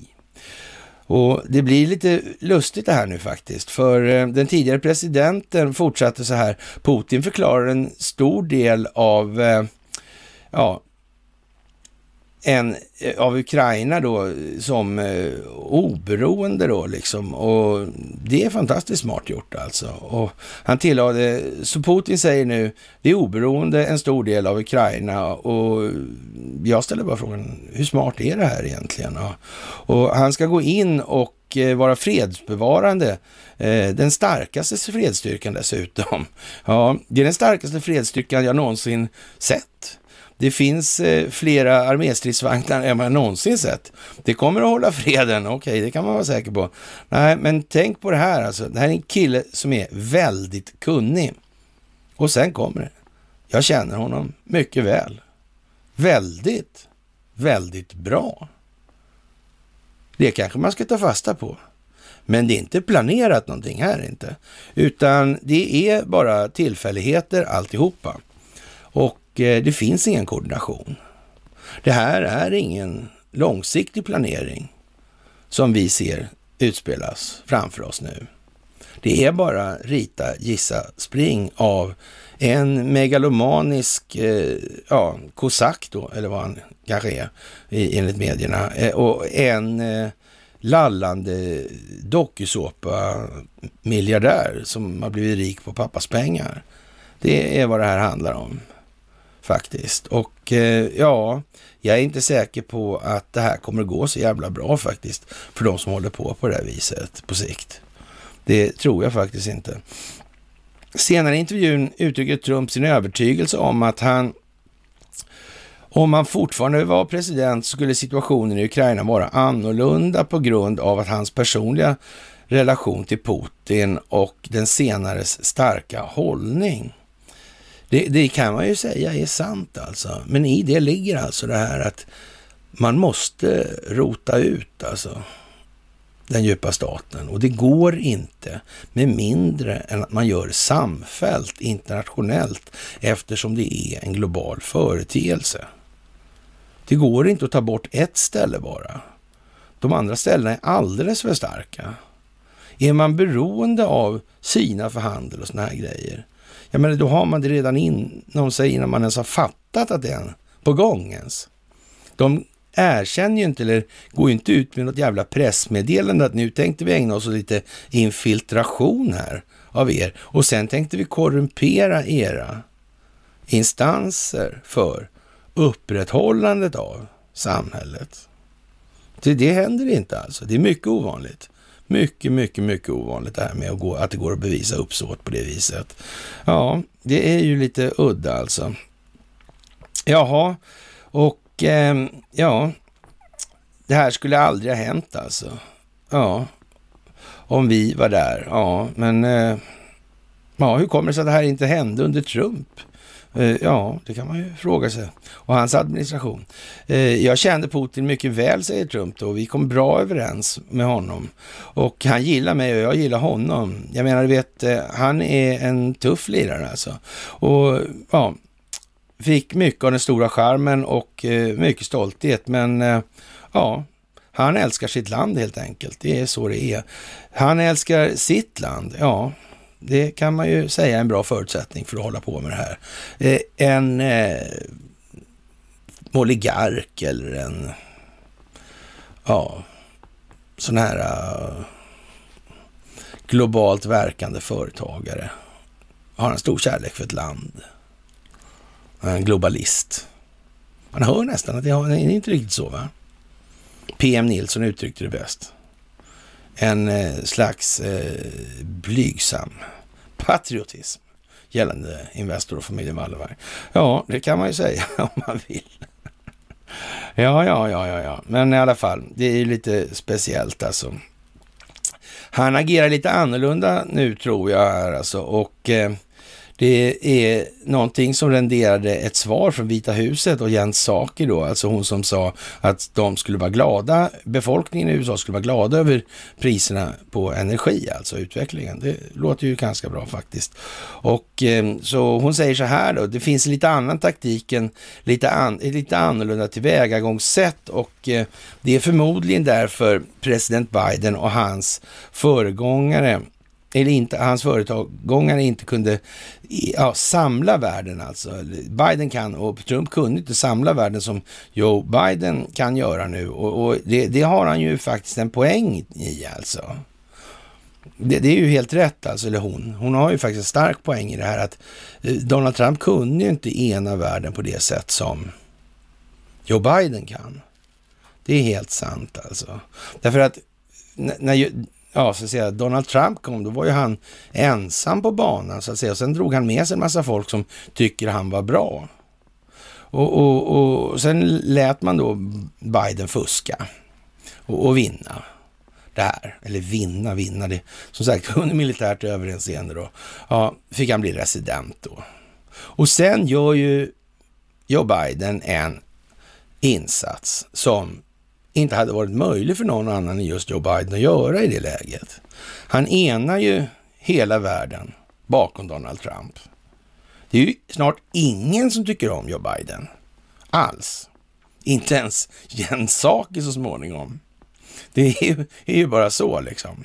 Och, och det, det, är inte så lätt helt enkelt. Man måste ju göra rätt mycket dåliga saker, man måste synas rätt mycket och så vidare för att kunna ställa till det här så det ska bli som det ska bli helt enkelt. Och det måste man ju säga, det här är ju föredömligt spelat. Givet att det, det är inte bara hypotetiskt alltså då, utan att det verkligen finns en planering och det finns någonting som heter den djupa staten. Det, allt det här resonerandet som vi för hit och dit, det står ju och faller med det. Det är ju naturligtvis så, utan det, och, och, svenska politiker vill egentligen det allmännas bästa och så vidare och så vidare. Så här. Det, ja, då gills ju inte det här vi säger om det skulle vara så. Men, men eh, ändå, alltså, det känns lite som att det är mer lämpligt att framhärda i det man alltid har påstått just nu än vad det har varit tidigare då, om vi säger som så då. Och eh, ja, Saki eh, så att säga, säger en massa saker.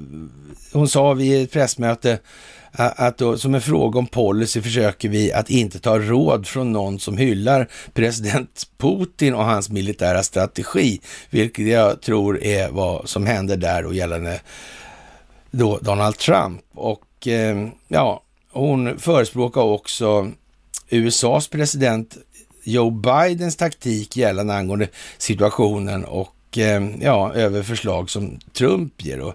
Så det finns alltså en lite annan taktik, lite annat tillvägagångssätt. Alltså. Det är förmodligen därför de inte riktigt har samlat världen. Och jag vet inte liksom om det här är... Det, det, är ju rätt tydligt nu kan man säga och det handlar ju lite grann om, får man ju bestämma sig, antingen finns det ju någon form av institutionaliserad korruption, till exempel svenska domstolar och de här grejerna, eller också gör det ju inte det. Eller det är bara lite småkorruption hit och dit. Och, och, och det är helt okej okay, alltså att man, den brer ut sig på det vis som har varit och, och, och, så vidare. Man får vara lite pinsamt svensk om man ska tro på det här längre nu. Det är faktiskt så. Ja, ja, ja, ja, ja. I tisdagsintervjun såg Trump sågs också Trump prata om Bidens presidentskap, invandring och covid-19, ekonomin, inflationen. Och han antydde, antydde igen då, utan att tala om, öppet om en möjlig kandidatur till Vita huset 2024. Trumps kommentar kom när Biden tillkännagav USAs första delen av sanktioner mot Ryssland på grund av dess erkännande av Donetsk och Lugansk då och liknande sanktionsinsatser har sedan dess följts av Storbritannien, Australien, Japan och Kanada. I vart fall tre av de här, förutom Japan då som är en lydstat till då ja, Serafimerorden-utdelarna då i vanlig ordning då. Ja, de är ju alltså Five Eyes trogna alltså, de här, och Red Bee trogna och så vidare och så vidare och så vidare. Så det är ju vad det är och inte så mycket annat. Det är ju fantastiskt när vi får se att Donald Trump kallar då Vladimir Putin för geni alltså. Det här är genialt. ja, ja, ja, ja, ja, det är ju som det är liksom. Ja, ja. I Sverige vet vi att Vladimir Putin har onda ögon då till exempel och det är ju ett starkt incitament till att man ska tycka illa om honom därför så, vilket man i så fall kanske egentligen då, ja och möjligen även numera borde betrakta orsaken till ur ett lite mindre svenskt hållet perspektiv. Och, och möjligen är det ju så att den historia vi har fått till livs av den här professorn emeritus som faktiskt har påverkat utbildningsväsendet och nu uppenbarligen är ganska upprörd då. Och av personliga skäl får man väl anta då att han lägger sig i det här också. Han tycker ju någonting. Mm, och det verkar ju på något vis som att hans livsgärning kan möjligen vara lite ifrågasatt i det här. Skulle det kunna vara så? Skulle den här Tricky Dick också, Harrison där, Harrison, ja, skulle han kunna vara en grej i det här också tror jag? Har han haft någon roll framträdande? Ja, hur många historieprofessorer kan man räkna upp egentligen i allmänheten sådär? Hur många har varit med på, sp på spåret? Varför är det så? Mm. Varför är han i tidningarna och uttalar sig om allting som man vore sakkunnig? Jag vet inte vad. Har han sett fler hemligstämplade dokument än vad den ryska presidenten har? Inte han heller? Nej, nej, nej, nej, nej, nej. men då så. Jaha, vad konstigt. En sån här lirare som eh, har den bakgrunden, Mike Pompeo, han kan ju i alla fall inte ha sett några hemliga dokument som chef för CIA. Det är ju inte möjligt ens alltså. Eller? Nej. Ja, ja, ja. Men, men eh, historieprofessorer i allmänhet då? De får titta på hemliga dokument. En tycks ha fått titta på en hel hemliga dokument. Det är Wilhelm Agrell av någon anledning. Ja, men han håller väl mest på med sådana undanflyktsböcker, va? Skademinimeringshistorik skulle man kunna säga. Jag vet vi har tagit upp det mycket det här med ja, att han skriver bort sig så där. Ja, det är ju konstigt, men jag vet inte. Det kan vara så att det är bara tillfälligheter. Hur som helst då så tycker Tacke Karlsson också numera. Och det är en populär figur på Fox News då, alltså, som ofta ifrågasätter Washingtons logik för att konfrontera Ryssland. Och eh, han har fördubblat eh, insatserna, alltså ja, den här Varför ska jag bry mig positionen angående Ukraina? USAs president Joe Bidens försök att straffa sin ryska motsvarighet Vladimir Putin och hans regering för deras senaste drag mot det östeuropeiska landet kommer att kosta amerikanska skattebetalare då en massa pengar som måste fundera på om de vill betala de här pengarna eller inte egentligen, det sa han igår kväll då på tisdagskvällen alltså. Det finns inga faktiska skäl för amerikaner att hata Putin, även om vänstermedierna då, eller då ägardirektivstyrda opinionsbildningsmedierna eller djupa staten-medierna säger till dem att eh, allt mindre än att hata Putin är förräderi då i princip. Och det är lite grann här också i Sverige, lustigt nog. Man faktiskt undrar hur det där kanske egentligen hänger ihop. Det var jävligt sarkastiskt, dåligt sarkasm också. Sa då Karlsson och släppte lös en retorisk självreflektionsfrågesport, sa det Karlsson. Ja, det låter som när jag håller igång i skogen med Lasse Berghagen nästan alltså. Ja, varför hatar jag Putin så mycket? Har Putin någonsin kallat mig rasist? Har han hotat hotat och få mig sparkad för jag inte håller med honom. Har han skickat alla medelklassjobb till, i min stad till, till Ryssland? Eller svaret på var och en av de här frågorna som Tacke Karlsson ställde är alltså nej. Det har han inte gjort alltså. Nej. Det man kan säga i dagens läge det är ju det att det är ju klart att när man inför de här sanktionerna då och för, inför då ett moment av att eh, man, Ryssland stängs ute från finansmarknaderna så innebär ju det med viss automatik att inte Ryssland kan sälja eh, kolväten, alltså eller eh, ja, gas och, och olja då eftersom de inte handlar i dollarvaluta längre. Men, men, men de sanktionerna är ju liksom inte Vladimir Putins fel i den meningen. Han har en annan uppfattning om grunden till den här eh, situationen i Ukraina. De sanktionerna är ju faktiskt Joe Biden som har infört i det fallet och, och i andra fall då de länder som väljer att göra deras folkvalda. Så det, hur de än gör nu så blir då så att säga, det blir bara snävare och snävare det här stacklet. Det blir ju faktiskt inte alls bra alltså. Och eh, ja, det är ju lite speciellt alltså. Och Biden meddelade då att USA kommer att införa nya sanktioner mot Ryssland för det här erkännandet på måndagen av två utbrytarrepublikerna och, och som självständiga nationer. Att försvara frihet kommer ha kostnader hemma, varnade presidenten alltså.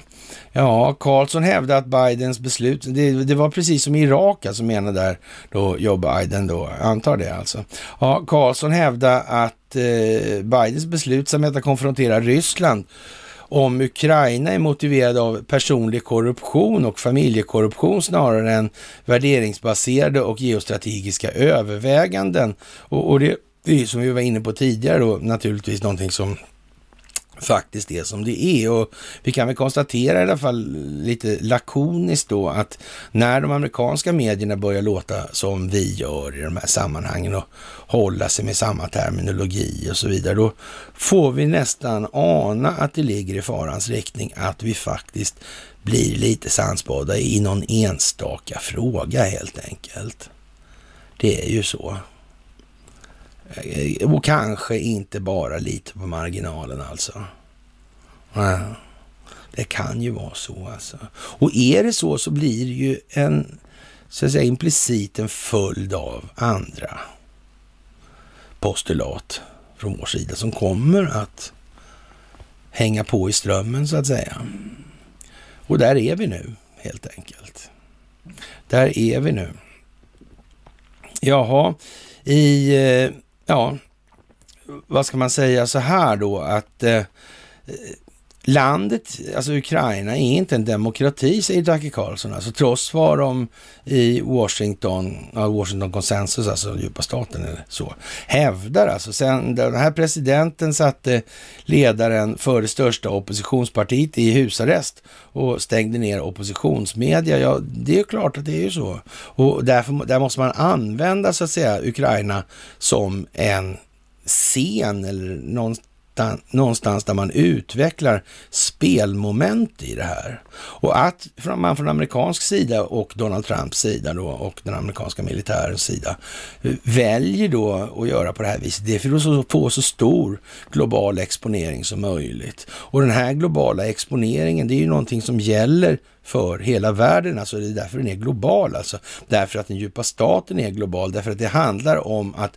röka ut och ja, om göra den djupa staten globalt. Och redan där kan man ju liksom ana vad jag är ute och far efter nu. Det handlar om att det här kommer hamna in i Sverige från Ukraina. Vi har en global företeelse. Vi har en situation geografiskt på ett ställe det finns en jävla massa korruption, det finns en jävla massa beröringspunkter och så vidare i det här. Det är självklart. Det är uppenbart. Det är klar optik alltså. Mm. Det skulle bli så. Och det kommer att bli så. Så är det. Och i sin tur då så har det att göra med, även med valet i USA som en del i det här. Ja, och eh, i amerikanska termer skulle du kalla Ukraina en tyranni, sa Karlsson. Men Joe Biden gillar Ukraina, så ja, Putin är dålig och krig är bra. Kostnaden för Rysslands sanktioner, påpekade tv-världen, då kommer att betalas av amerikaner som kommer att se då gaspriserna stiga, vilket, eller bensinpriserna stiga, vilket då Biden erkänner själv och Jens Ake också. Alltså. Och allt du kan få ut av det här i gengäld är att känna sig bra, alltså amerikanerna, för att ha vunnit en moralisk seger över den jävla gamla Vladimir Putin. Liksom. Liksom. Och, det, det, och det gäller faktiskt samma sak för Sverige. Ja. Sen kan Carl Bildt och historieprofessorerna bete sig, eller professorerna i historia, bete sig bäst fan de vill helt enkelt. Det hamnar ja, på samma ställe där katterna skiter helt enkelt. Och det kanske säger mer om de här människorna än vad det säger om någonting annat när de beter sig på det här viset. Och det går ut på att exponera det. Det går ut på att göra det tydligt. Det gäller att skapa optik helt enkelt. Ja, och eh, som sagt, Biden han är var han är någonstans nu. Och eh, den eh, situation som de befinner sig i, den är ju inte så jävla rolig alltså. Det kan man inte påstå alltså. Det kan man inte påstå. Och som sagt, att Joe Biden tar bort finansieringsmöjligheterna för Ryssland innebär ju någonstans då att eh, ja, då blir det svårare att köpa rysk olja och gas i det här. Och skulle, mot förmodan nu alltså, mot all förmodan, Ryssland ha någon allierad. Hypote alltså bara sådär, lite av, lite dignitet. Som till exempel eh, ja, men någon som inte alls är, är, bekant med honom överhuvudtaget, alltså med Vladimir Putin. Alltså typ Mohammed bin Salman, han känner inte Vladimir Putin. Om han skulle kliva med i det här på det viset, alltså, då skulle det kunna bli riktigt dramatiskt för västvärlden. Och, och, och jag hatar att behöva säga det igen alltså, men vadå tusen spänn litern? You ain't seen nothing yet. Det ligger inom det möjligas ram. Folk ska betala priset för sin egen motvilja till förståelse. Det är inte så jävla svårt att fatta. Det handlar om folkbildning. Det handlar om att individen ska ut. Det är ingen av de här människorna som är inblandade i det här folkbildningsprojektet på geopolitisk strategisk nivå som tror någonting som helst annat. Här i Sverige har vi inte så många inblandade kan man säga lite försiktigt kanske. Ja, lite snällt sagt. Ja, vi kan ta en lite kul grej här då. Betalningsföretag får inte registrera sitt varumärke i Sverige alltså och det är dagens juridik som kommer med det här och det handlar om riksregalierna och corona, alltså kronan. Det handlar om, eh, ja, ett betaltjänstföretag som inte får använda då den här konungsliga kronan då. Det heter då Corona Pay då med K i början och de har en logga som är förvillande lik den kungliga bygelkronan enligt Patent och registreringsverket. Patent och marknadsdomstolen håller med. Alltså det är viktigt att skydda de här grejerna alltså. Och ja, det där är ju lite konstigt alltså. Det är lite, mm, ja, registrering av figurmärket Corona Pay för olika finansiella tjänster då. Men man avslog då alltså den här ansökan med hänvisning till att kronan som ingår i märket är förväxlingsbar med den kungliga bygelkronan som är skyddad enligt lag alltså. Och man kan få tillstånd faktiskt från att slippa, eller man får använda den där då, till exempel om man är kunglig hovleverantör och sådana här grejer. Så, sen finns det någon idrottsförening tror jag som har, får använda den där också. Men det, men det går nog ända bak. Det går till 1891 tror jag. Men det handlar om att prinsessorna skulle få åka skridskor på Strömmen tror jag det var. Något sånt där va. Mm. Så det är den idrottsföreningen får använda den där också. Sådär, och det, det är ju lite, ja, sådär. Mm. Och eh, ja, det, det, är ju liksom, det, det, det, är ju någon officiell karaktär på det där alltså. Och det, ja, det, man får någon form av missuppfattning om att den har direkt koppling till svenska staten eller något sånt där. Och, och det är en annan fräck grej det här alltså. Det, det, det, så får man inte göra alltså. alltså det är lite grann föregiven av falsk tjänsteställning någonstans i det här. Alltså. Och, och, jag vet inte om man ska vara eh, grisig nu alltså, men jag tror det fanns en kunglig kommission en gång. Ja, det är ju historiens vingslag naturligtvis. Vilka var det som ingick i den då? Vad pysslade den med, Kungliga kommissionen? Där? Men den var i Frankrike, va? De åkte ner dit från Sverige. De hjälpte till med någon utredning där på något vis, tror jag. Jag tror Hugo Stenbeck var då någon form av juridiskt ombud för någon Marcus Laurentius. Wallenberg, eller nej? Jo, men så var det va? Det gällde väl, eh, var, var det inte det på, på våren där 32? Eh, efter den här 12 mars då och 13 mars var det val där då i, i Tyskland där de, de där jävla rösterna försvann förresten då också. Ja, just det. Ja, just det. Och sen dök den där upp någon gång där sen, dagarna efter det där va. Mm, det gick ju fort det där också. Mm. Det var en kunglig kommission. Nu gick inte de omkring med kronor och låtsas som var kung, det var inte det jag sa. Men det, ja, konstigt det här hur det kommer igen i tiden på något vis, jag vet inte. Och eh, ja, det är väldigt, väldigt märkligt alltså. Och ja, verkar komma igen i tiden på något vis alltså. Och Riksarkivet är ju som sagt inblandat i det här alltså. Och ja, man får nästan intrycket av att någon har tänkt något här. Det är någon signal här i det här på något vis. Brittiska kungahus också kronor. Och det var ett jävla tjat om de här kronorna när jag tänker efter här. Var det inte någonting med, med den här eh, Koinor, alltså den här diamanten som skulle sitta, sitter i en krona förresten. Som, var det inte någon som skulle ha den när, när det skulle koroneras alltså? Krönas alltså. Det är koronering alltså heter det på sånt ceremoniellt språk. Mm. Var inte det hon där Camilla Parker Bowles som vänstrade med prins Charles medan han var gift med Diana? Va? Var det inte så? Jag tror det var så. Jag kan inte säga att det var så. Ja, ja, intressant alltså. Det här är ju liksom speciellt alltså.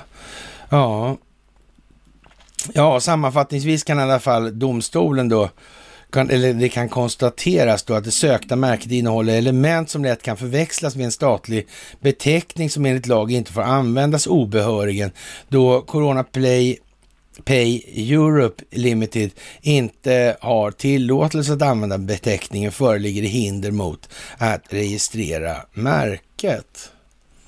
Mm. Ja, ja.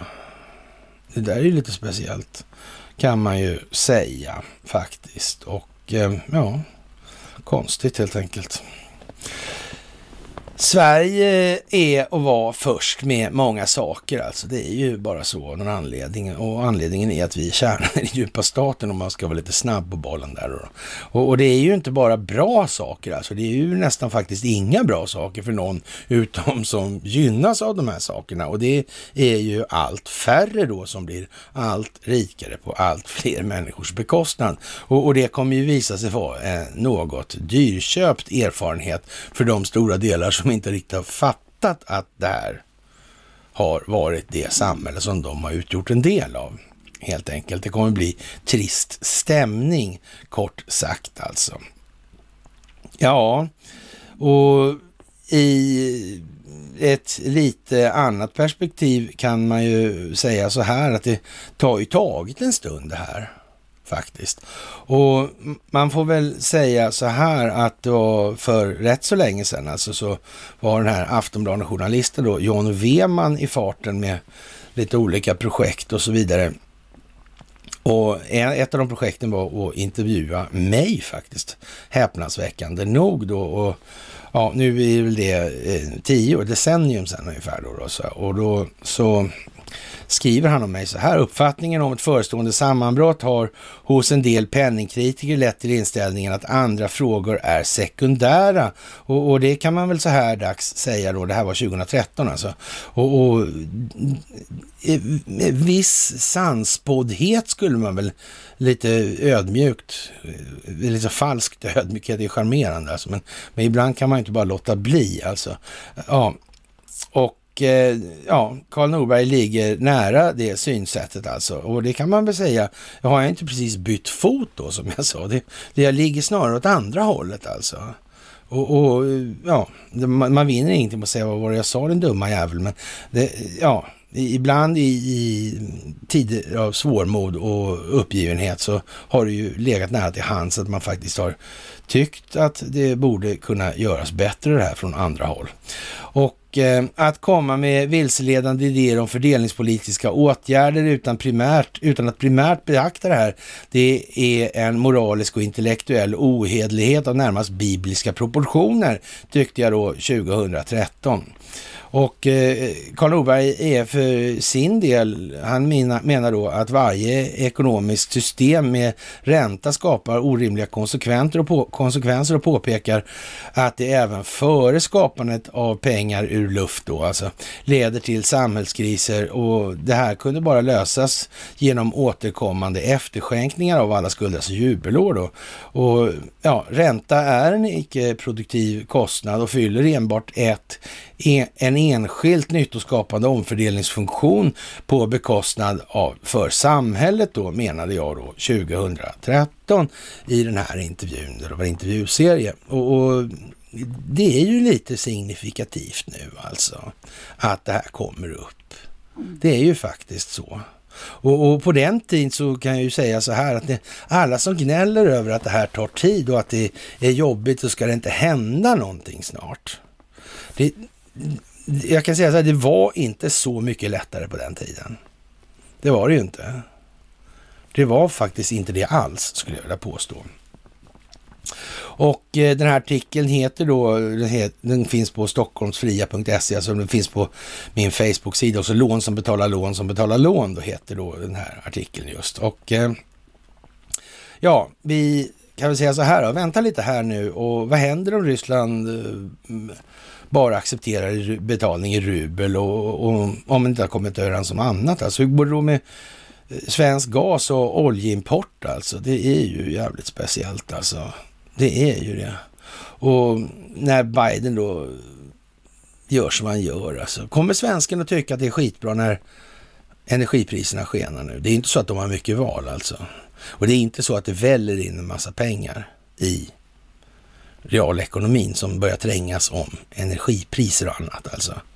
Det, det, är helt säkert. Och därför höjer de priserna då. Nej men så, och för de vill, nej men så är det inte. Så ni. nej, så är det inte.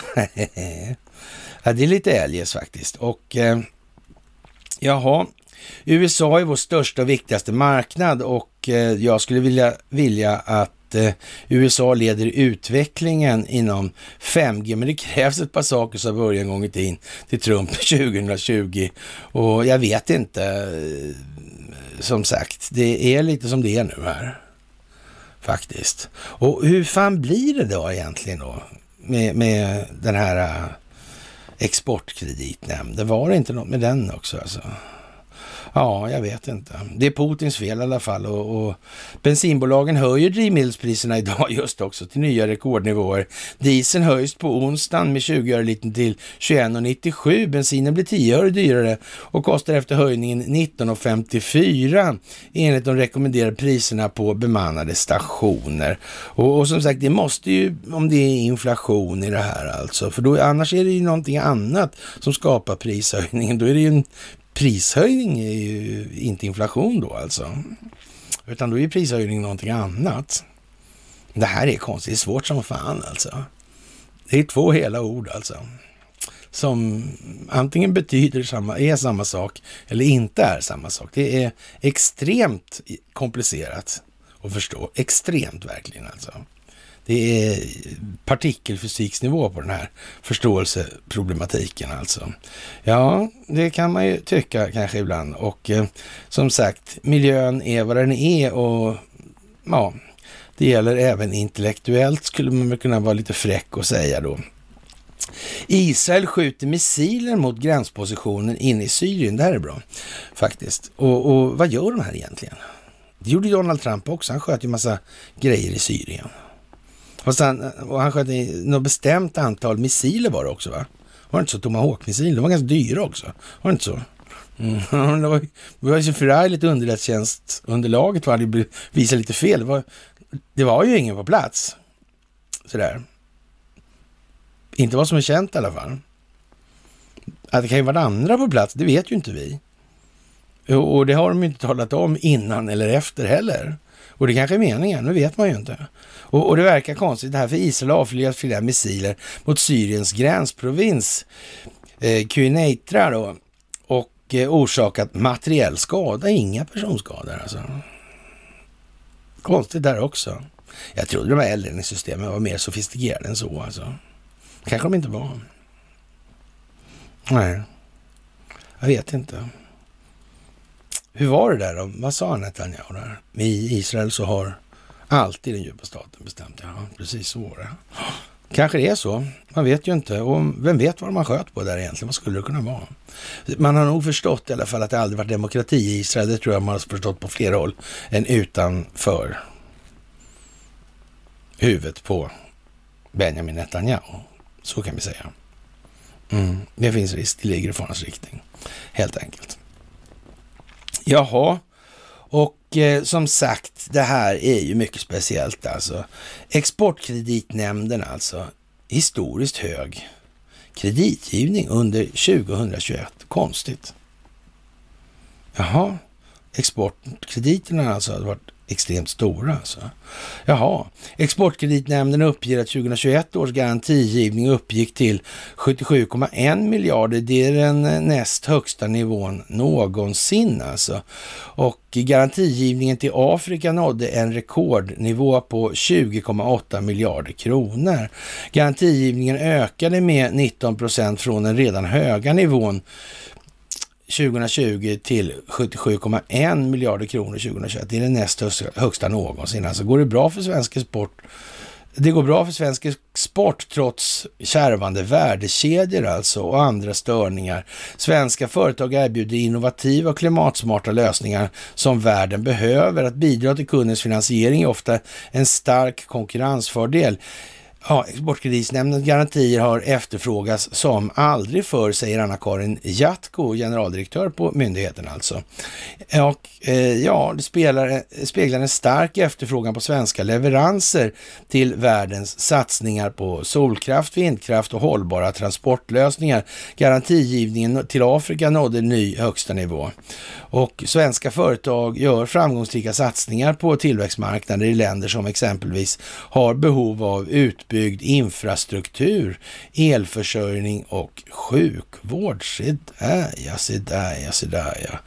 Och eh, ja, liksom tidigare har EKN också garanterat mycket stora exportaffärer till telekomoperatörer. Den eh, största gick till höginkomstländer inom OECD alltså. Jaha. Ja, skadeutbetalningen minskade från föregående år och uppgick till 0,8 miljarder, 1,6 miljarder 2020. Resultatet uppgick till 1,8 miljarder. Alltså, ja, ja. Mm. Ja, det här är lite speciellt alltså. Om vi säger så här då. Om det uppdagas att de här bolagen har varit inblandade i massa saker. Alltså vi, vi behöver inte säga vad liksom sådär, vad det skulle kunna vara. Alltså, Så, men, men typ mutaffärer och sådär. Men nu vet vi att det är de ju inte. Sådär.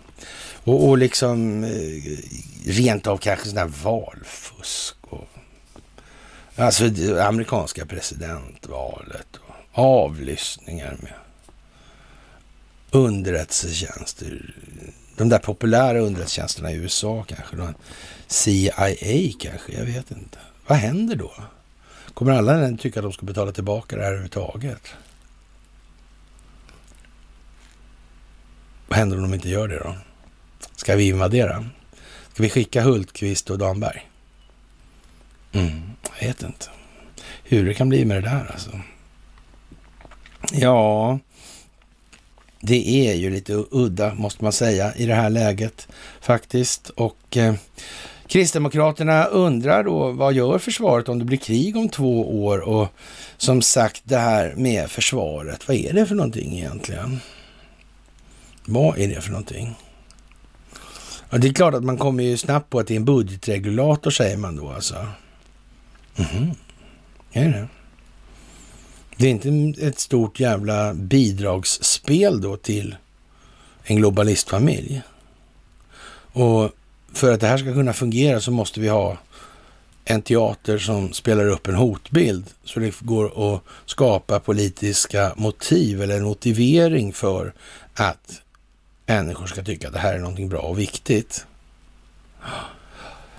Ja, det må ju vara som det är med det och det kommer att visa sig med all önskvärd tydlighet alltså. Och eh, ja, vad är egentligen att säga mer i den eh, frågan alltså? Och ja, det är mycket vanligt att tjuvar är eländiga människor och eh, det är en mycket vanlig praxis att regeringar är de största tjuvarna alltså. I Ottawa så faktiskt eh, håller det på att spåra ur big time alltså.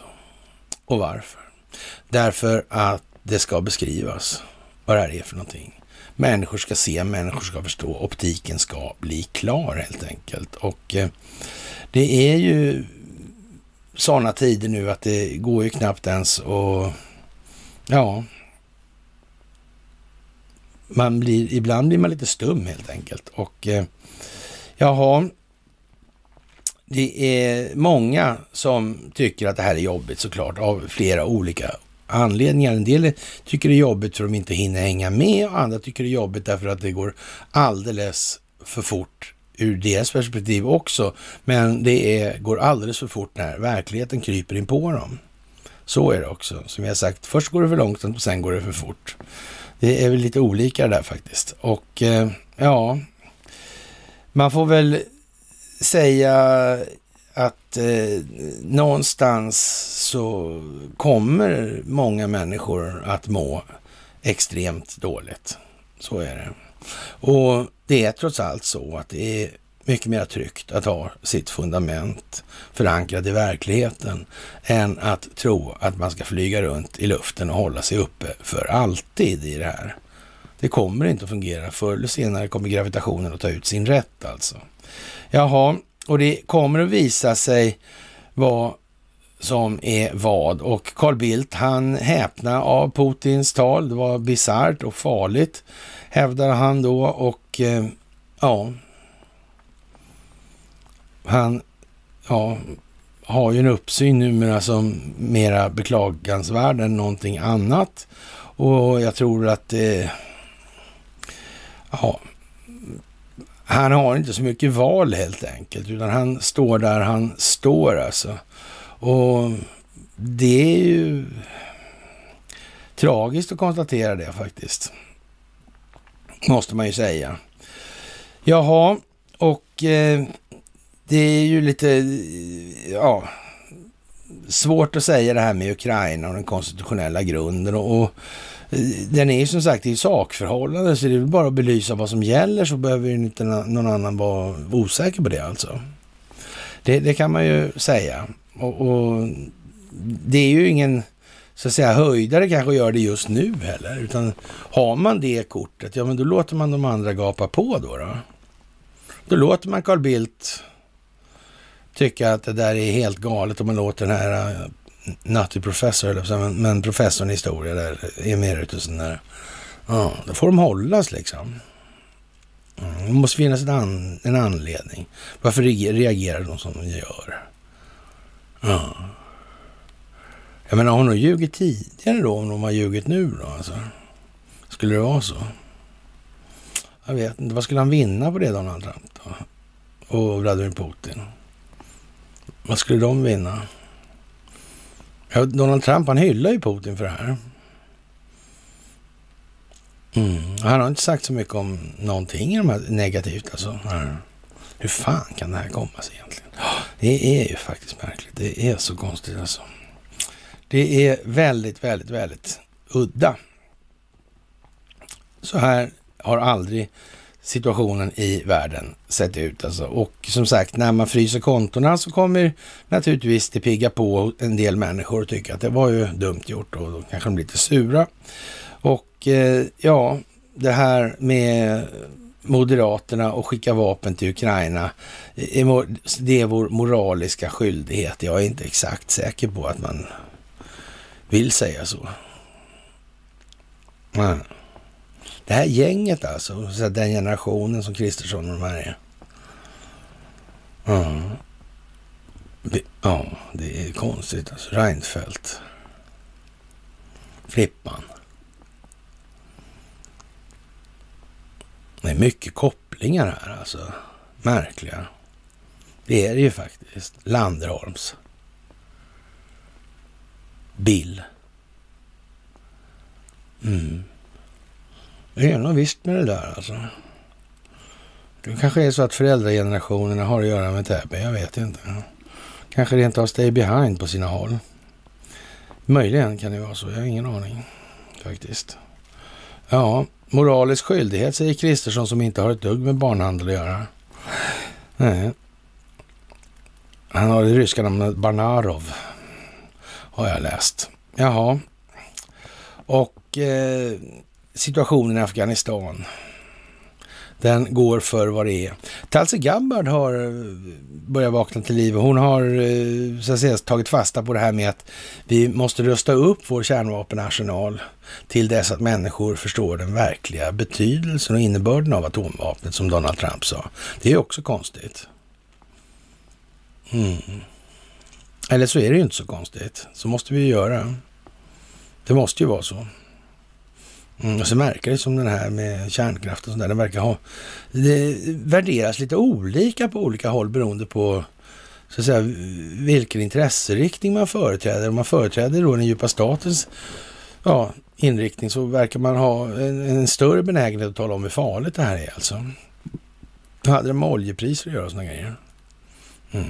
Men det, det beror ju alltså på att det kommer in så ända in i helvete med pengar i ja, om vi ska ta energin då, som, då i, i eh, energibranschen alltså.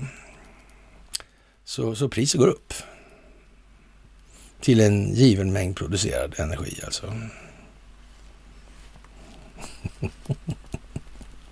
ja, men så, det måste ju vara så, eller hur?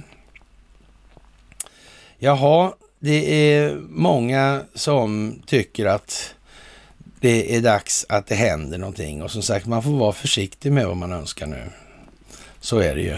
Det är rätt så speciellt. Absolut alltså.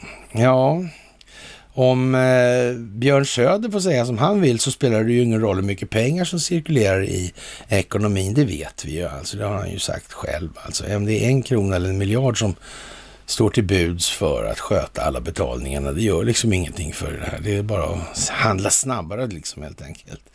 Jaha, och eh, världen bör och skall fördöma Rysslands agerande att under fredsflagg invadera en suverän stat som Ukraina bör och skall straffa sig, säger Björn Söder. Och eh, ja, jag vet inte igen alltså, det här med Björn och hans hjärna. Eh, om det är liksom någon, någon, något jävla socialprojekt det här som man håller på med från någon sida alltså.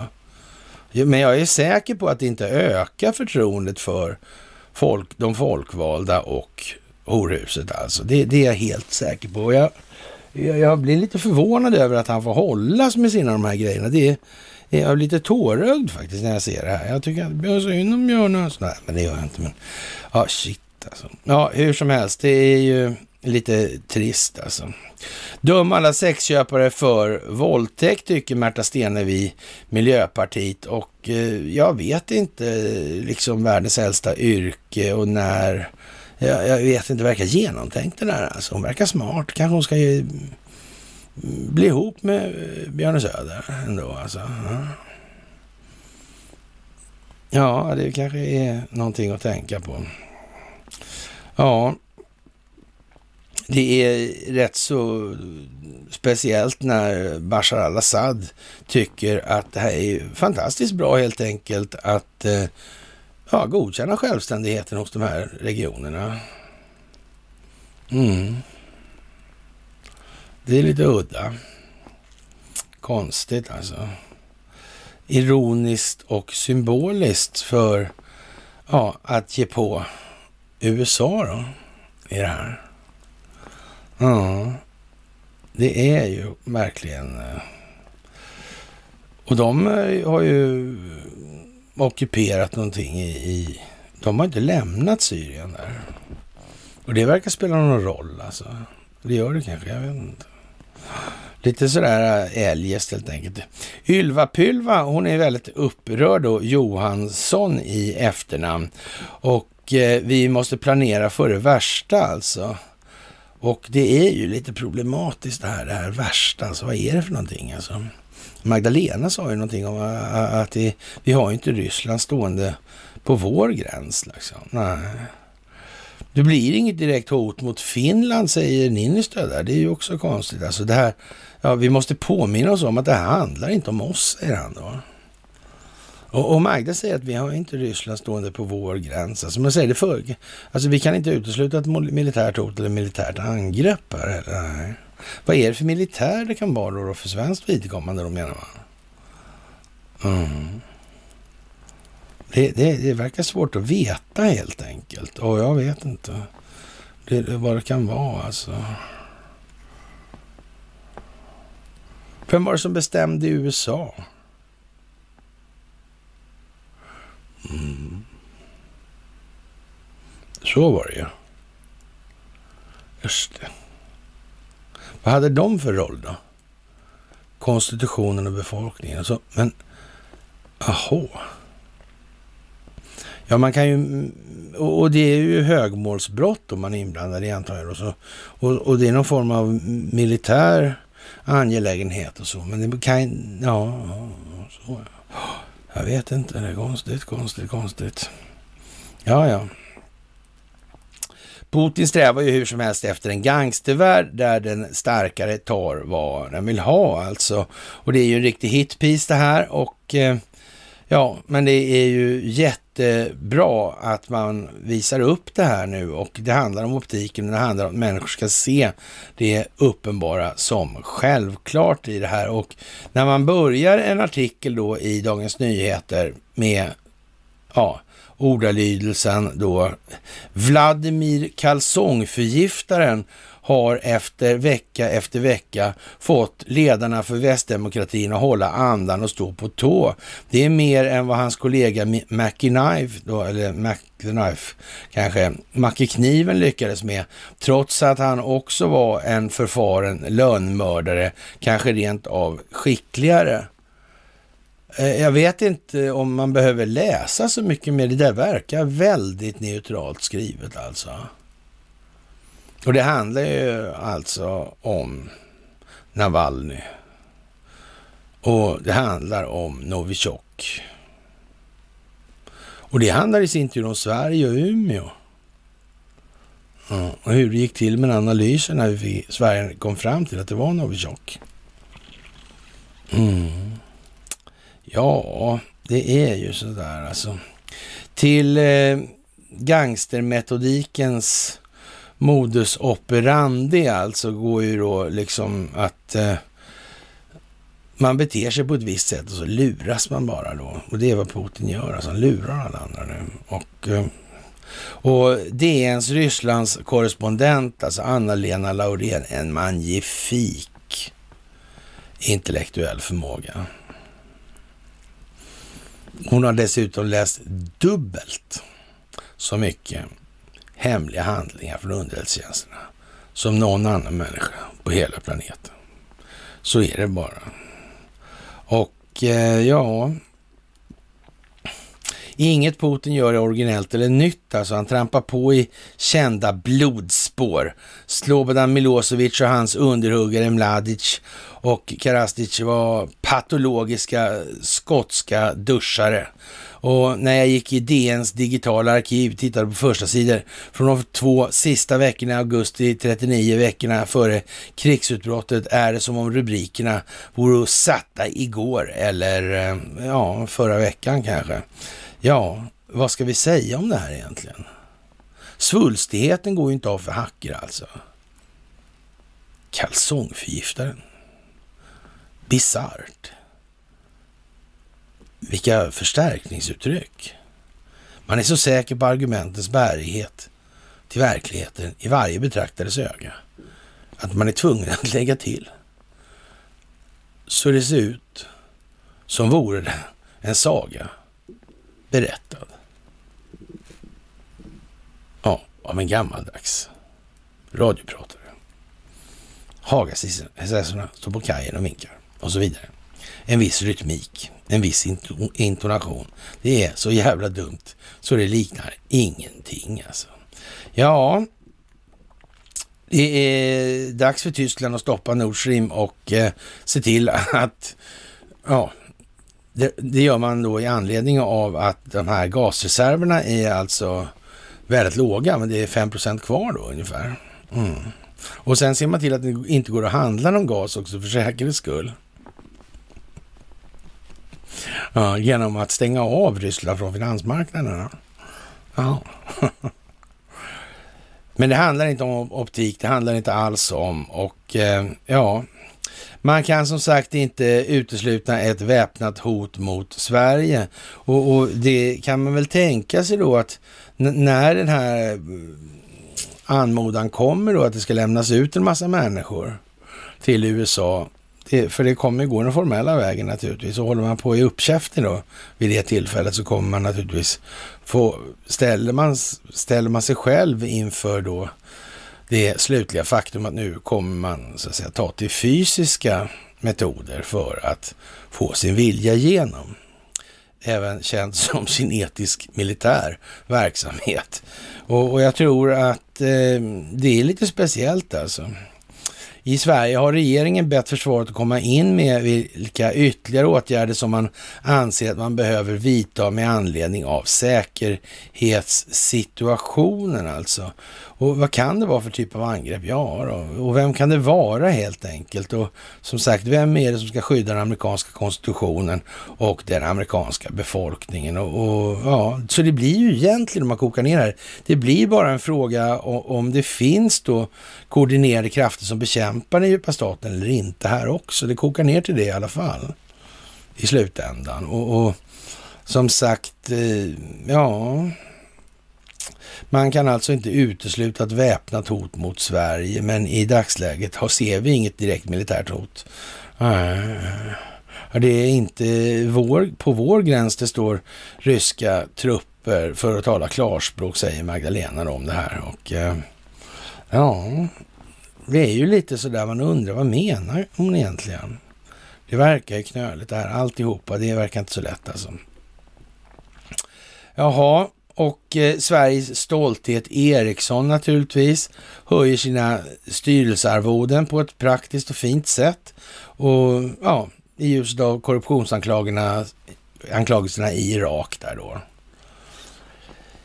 IS-mutandet och det är ju lite eljest skulle man väl kunna säga på hela taget och eh, den här Schultz, han är ju någonting som hamnar i valsammanhang förr eller senare, så är det också.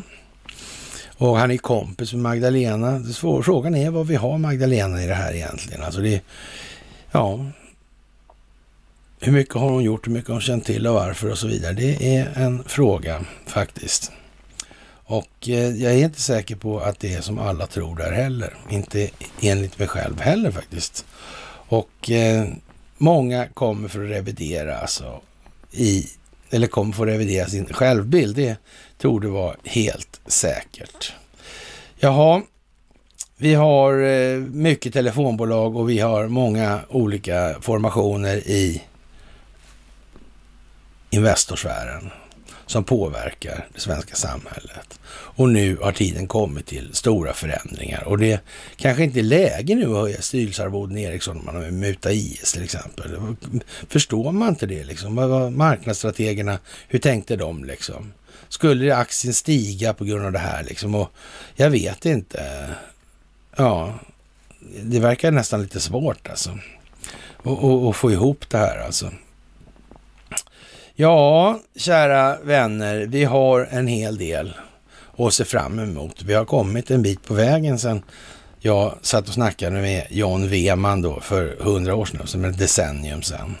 Och det kan man ju tycka är, är lång tid, men faktum är att det är värt varenda sekund som det här har tagit. Och få stå inför det här tillsammans med er. Det är helt otroligt faktiskt. Det kunde man inte föreställa sig och det är kanske en av anledningarna till att man har gjort det här också, att man faktiskt inte begrep hur omfattande det skulle vara. Och kanske inte främst då ur perspektivet av den egna förståelsen för det här. Utan kanske mer ifrån, eller utifrån perspektivet att, eller ur, ur perspektivet av att den här själva pedagogiken som skulle krävas för att nå fram i det här. Den resan har ju varit otrolig, helt enkelt. Den här fullkomligt naiva idén om hur lätt det här skulle vara. Den, alltså, den absoluta ignoransen och respektlösheten för omfattningen på det pedagogiska problemet. Det kan man ju säga, det är ju en lärdom av, för min del, aldrig skådad omfattning. Helt otroligt. Och ni ska verkligen ha det största av tack i det sammanhanget. Alltså. Och att, ja, vad ska man säga, man kunde ju ha, det kunde ju ha gått annorlunda helt enkelt. Och jag eh, tycker att det är mycket som är speciellt i det här. Och igår var ju en väldigt speciell dag också. Det vart en lite annorlunda astrologisk konfiguration på himlen igår då. Den hade något med, ja, någon ja, planet eller sådär kanske. Och eh, sen var det ju det här eh, och stjärnbilder och kompassrosor och NATO och ja, ja, ja, ja, ja, ja, det var, var det där alltså? Det var ju den 22 i andra 22 igår. Och, och, ja, det var 248 år sedan den amerikanska konstitutionen författades. Och, ja.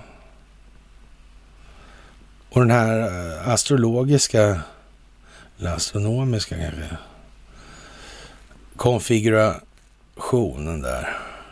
Eller astrologisk är nog bättre då va? Ja. Det här med att falla sönder och börja bygga nytt och sådär. Någonting hände alltså igår. Så var det. Inte bara den här ital italienska ambassadören i Australien som trillade ner och den föll, en italiensk stjärna skulle man kunna säga. Va? Mm. Ja, ja, ja. Satt hon ihop med någonting den där alltså? Var det där, hur var det med det där företaget Leonardo och, och dess roll i det amerikanska valet? Hur var det där? Hon, hon, hon var ju ständig representant i NATO också var hon ju faktiskt också. Kan det ha någonting med någonting att göra det här? Kan det sitta ihop kanske? Skulle det kunna vara någonting? Jag vet inte riktigt. Sådär. Jag menar, jag får titta och se om ni hittar något. Alltså jag är inte säker på att det liksom... Ja, sådär alltså. Och eh, som sagt, det är svårt det här med, med, Ukraina och det är ju svårt med förtroendet för systemet när det börjar bli så här att det alla kan se liksom att jaha, det kommer in för mycket pengar i energisektorn och därför går priserna upp. Mm -hmm. Enligt inflationsbegreppets funktionsmässiga innebörd. Eller rättare sagt den uttryckta funktionsmässiga innebörden. Det verkar nog, det stämmer ju inte riktigt det här längre. Och, och när det inte stämmer och människor ser det, då får de en bild. och den handlar om optiken alltså. Den blir någon form av förståelse. Det blir någon form av uppenbarelse. Det är mycket, mycket, mycket som blir annorlunda och som blir speciellt alltså. Ja, Credit Suisse har vi ju tagit upp och det kommer bara bli bättre naturligtvis. Och eh, när Riksbanken säger att svensk politik har ingen inverkan på stigande räntor, då är det ju som det är. Helt enkelt. Det vill säga bankerna tycks göra det där själva, ungefär som de tycks kunna stänga av människor från kontorna på något vis. Alltså. Fast ändå var det Riksbanken som bestämde det då, eller centralbanken som bestämde det i Kanada. Här tycks det vara Eh, lite udda. Det verkar inte hålla ihop på något vis. Det finns ingen kontinuitet, ingen röd tråd, ingen logik, ingen logisk konsekvens i resonemangen.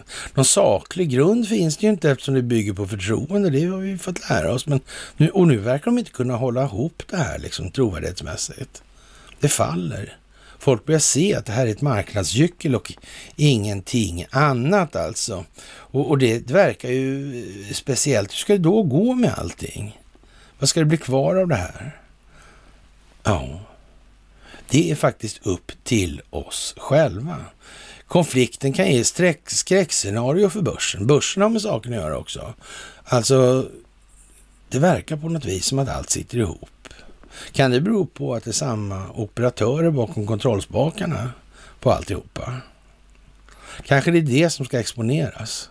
Kanske det är det människor måste förstå. Att vi aldrig har levt i någon form av demokrati. Vi har alltid levt i den här världen av illusioner. Trollkarlen från oss. Han är så liten. Så liten är han. Han bullrar, han låter, han spottar rök, slänger upp små fyrverkerier som flammar upp.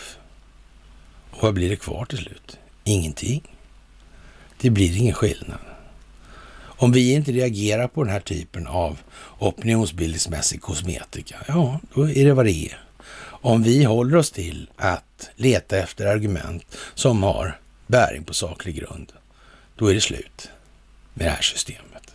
Och där är vi nu. Och med det, kära vänner, så får vi lov att tacka för dagens mys och eh, tillönska er en eh, riktigt trevlig piglördag. så hörs vi allra senast på fredag. Okej, tack och trevlig kväll då. då.